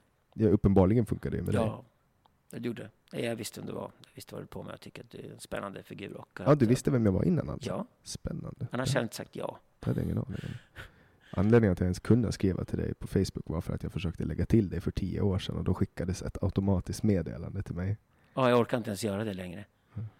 Det kommer sådana meddelanden varje dag. Så här, kan man få bli en vän på Facebook? Och det folk jag inte känner. Det så här, jag är ledsen, kön är 50 000 personer. Det är liksom ingen idé. Facebook har satt en gräns till 5 000. Det är lika bra det. det, är, det är ingen idé att addera fler än så. De, de som hade alla, som ville adda från början, har ju förstört sina Facebook-konton från början. Deras Facebook-konton är fullständigt dysfunktionella, fulla av gamla fans, vad det är för någonting, och deras vänner kan inte adda dem alls. Men du tror att Facebook kommer att dö? Nej, det är jag inte säker på. Facebook kan transformeras. De börjat göra vissa saker ganska smart. De har en jävla bra styrelse på Facebook faktiskt. Sheryl Sandberg är skitbra och Peter Thiel är smart som satan. Så att det finns folk på Facebook som säkert kan styra det där rätt. Jag tror att Google är faktiskt mer i farozonen. Inte för att Google kommer försvinna, men de kommer få enorma problem. Mm. Alltså för att problem för, för dem är, är politiserade de... och det är det som kommer vara det. Och sen, sen, finns det säkert stora skandaler runt de här techjättarna som bara väntar att brisera. För att de har säkert handlat med kineserna och alla möjliga skumma saker som kommer komma fram förr eller senare. Jag säger inte att det är så, jag säger bara att det kan vara så. Det skulle inte förvåna mig om det är så. För att det brukar vara som med säkerhetstjänster och myndigheter och sånt där och stora institutioner att förr eller senare briserar skandaler. Jag skulle bli väldigt förvånad om inte techjättarna som på så kort tid har anställt så väldigt många människor med så olika bakgrunder inte förr eller senare också springer på stora skandaler. Det vore ganska rimligt till och med.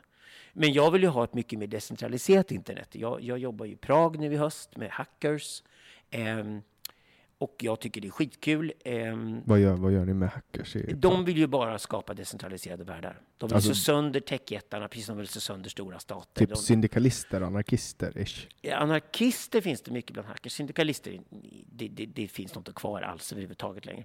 Men anarkister är de definitivt. Anarkolibertarianska är det vanligaste som, som förekommer bland, i hackersvärlden. Jag kan säga så här att du kan ju inte vara coolare idag i världen än att vara en taiwanesisk hacker som hjälper kineser att ta sig förbi kinesiska kommunistcensuren. Nej, det, är, liksom, det, det, det, är det coolaste man kan vara idag.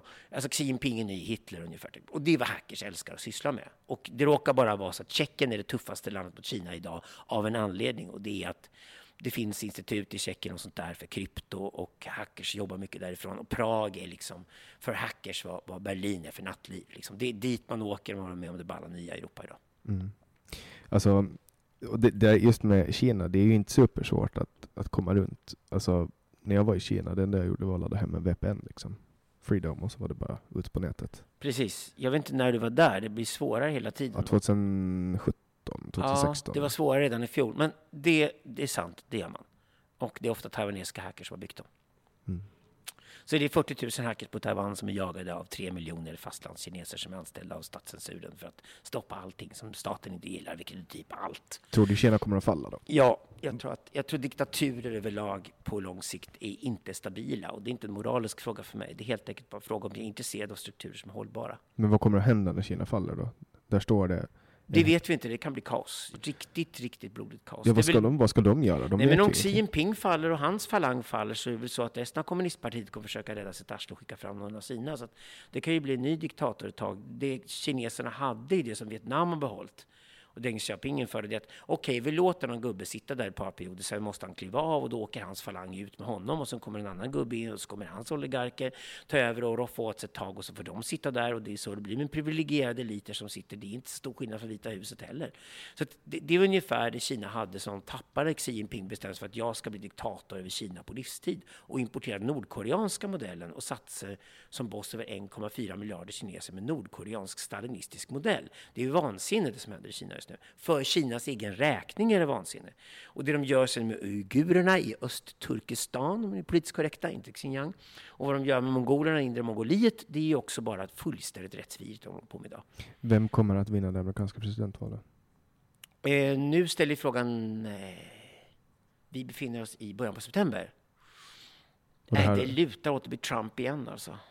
Det, det, ehm, Valet är Biden som förlorar. Han har bara gått upp opinionen, håller tyst och försvinner. Och han kan inte längre hålla tyst och försvinna när det kommer till valkampanjen och måste möta Trump i några dueller fram till valet. Och risken är väl stor att Biden tappar alltihop på upploppet därför att varenda gång han syns öppna käften så tappar folk förtroende för honom. Han är ju usel, Biden.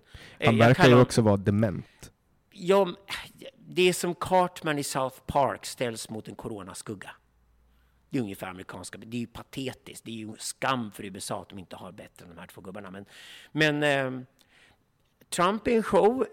Han har sabbat i Iran, tycker jag, men han har stått upp mot Kina. Det bra han gjorde under sina fyra första år var att han stod upp mot Kina, vilket Obama sket i. Eh, vilket var nödvändigt. Han har däremot sabbat relationen till Iran och risken är väldigt stor att Iran bygger atombomber. Och då betyder att turkarna och saudierna gör det med och då får vi ett nytt stort hot som är värre än klimathotet och det är atombombsspridningen i världen. Och det kan mycket väl hända att vi till slut kommer hålla Donald Trump personligt ansvarig för orsakat. Ja, alltså nu när vi har suttit här och spelat in så har det kommit en flash från Omni. Iran har nu tio gånger mer uran på lager än kärn, kärnenergiavtalet från 2015. Vad var det jag sa? Eh, det, är, det är det mörka arvet vi kommer leva efter Trump. Och det är ett riktigt hot mot mänskligheten. Jag anser fortfarande att atombomben är ett mycket större på mänskligheten än klimatet. Mm. Det, för klimathotet kommer ställa till det och kosta mycket att parera. Och Men eh, tror atombombshotet är existentiellt hot på riktigt. Tror du att vi löser eh, klimathotet med Greta Thunbergs metoder? Nej, men jag tycker Greta Thunberg är bra. Men hon är i slutet på någonting. Hon är slutet på den dystopiska beskrivningen av världen. Maria Wetterstrand och jag har en debatt förra hösten som vi faktiskt inte spelade in. Vi fick betalt för den, så det var en sluten grupp. Men det var en rasande spännande debatt där hon företrädde den linje som kallas environmentalism på engelska. Environmentalism får vi säga på svenska. Och jag företrädde det som heter ekotopianism. ekotopianism. Och den ekotopiska världsbilden idag den är att vi ska bygga oss ur klimatkrisen med teknologier och med eh, infrastruktur och reglering.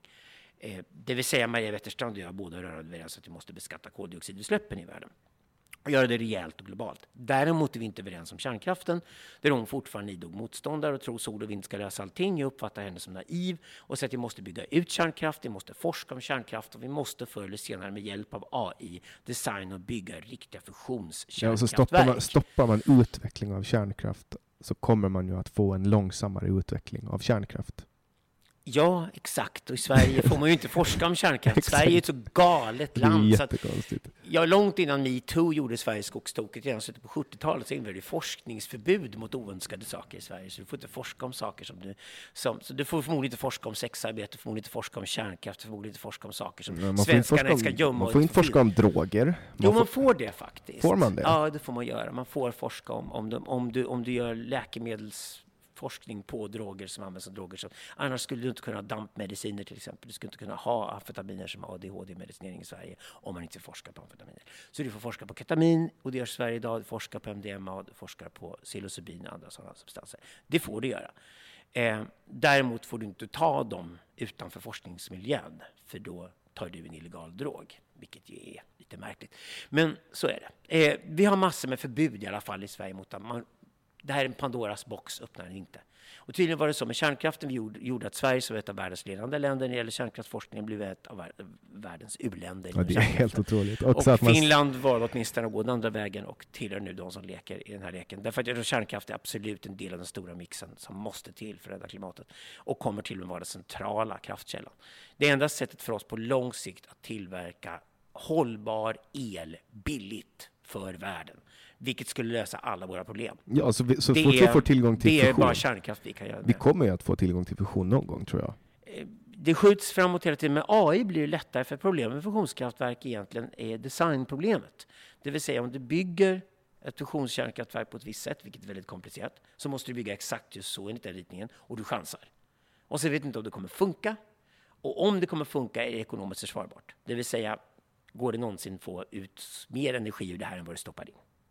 Och för att kunna göra det måste du designa det bättre. Och det här AI kommer in, eftersom AI är så unikt, kan liksom förbättra designarbetet. Alltså du kan bygga arkitektur mycket intelligentare än vad gjort tidigare. Ja, och sen kanske det finns en simpel lösning. Alltså det kanske finns en simpel lösning bakom ja, det, det, här. Det kan finnas mycket saker. Men du förstår vad jag menar? Ja. Alltså, man har ju haft extremt svåra problem med logistik och sen uppfann man hjulet. Jo, det är sant. Och det är en enkel lösning. Elmotorerna till exempel idag. Nu, nu fattar vi alla att framtidens bilar kommer gå på el och vi har byggt allting, till exempel Förbifart Stockholm, helt fel. Vi har byggt Förbifart Stockholm under jorden med jättestora luftutdragningstrummor och sånt där som har kostat miljarders, miljarders, miljarder som inte kommer behövas vid elbilar i alla fall och som kör där om tio år. Så det betyder bara att politikerna ihop med infrastrukturbyggarna är idioter hela högen som inte vill titta in i framtiden. De har inte mm. stake. Så Vill du sia lite nu då? Berätta. Nej, jag siar inte. Jag, jag, jag, berättar vad jag ser. Jag och Jan Söderqvist tillhör en stolt tradition från Nietzsche och framåt som heter deskriptiv filosofi. Vi anser att det absolut bästa man kan göra är bara beskriva hur världen fungerar, varför den funkar som den gör istället för att säga för mycket. Därför att vi vill inte vara preskriptiva. Så det är därför till exempel när jag säger att diktatur är en dålig modell för politisk styrning så betyder det att jag är helt amoralisk i det. Jag skulle gladeligen acceptera diktatur om det var effektivt och funkade. Problemet med att det gör inte det. Därför att rapporteringsleden upp till diktatorn kommer korrumperas väldigt fort. Och diktatorn kommer vara det sista att få reda på vad som händer i hans rike och därigenom kommer han fatta fel beslut och då går det åt helvete. Mm. Och det är så i Kina idag med. Förmodligen var det så att covid-19 blev ett världsproblem därför att det dröjde fyra eller fem månader innan Xi Jinping visste om att det ens fanns. För mm. att ingen ville rapportera dåliga nyheter upp till diktatorn. Och där har du problemet med ett sånt instabilt system som Kina idag. En bra illustration på det är ju att man kollar på Tjernobyl på HBO. Exakt, och den som kollat på Tjernobyl och pratat med Johan Renck vet att det handlar inte om Sovjetunionen på 1980-talet, det handlar just om Kina idag. Det handlar om stora komplexa korrupta system som utsätter oss människor för livsfara eftersom rapporteringsleden är korrumperade. Mm. Och vad ska vi göra med public service? Lägga ner skiten. Tack. Tusen tack Alexander Bard. Tusen tack för att du hade med. Och till er som har lyssnat, tack för att ni har hängt med ända till slutet. Det blev två mycket intressanta timmar. Jag hoppas att ni har fått ut någonting av det och ni får väldigt gärna donera pengar till det här projektet eftersom det är 100% ideellt. Det kan ni göra på patreon.com samtal ni hittar länk på min hemsida www.samtal.ax. AX är ju för övrigt Ålands stoppdomän för de som funderar på vad det är för konstig domän. Ni kan också swisha 070-3522 472 om ni känner att ni vill använda Paypal så finns det också tillgängligt och länk hittar ni på hemsidan eller i avsnittets beskrivning. Ni får gärna önska gäster som ni vill se. Jag tar alla önskemål i beaktande. Vi släpper nya samtal alla onsdagar. Jag heter Jannik Svensson och du har lyssnat på podcasten Samtal.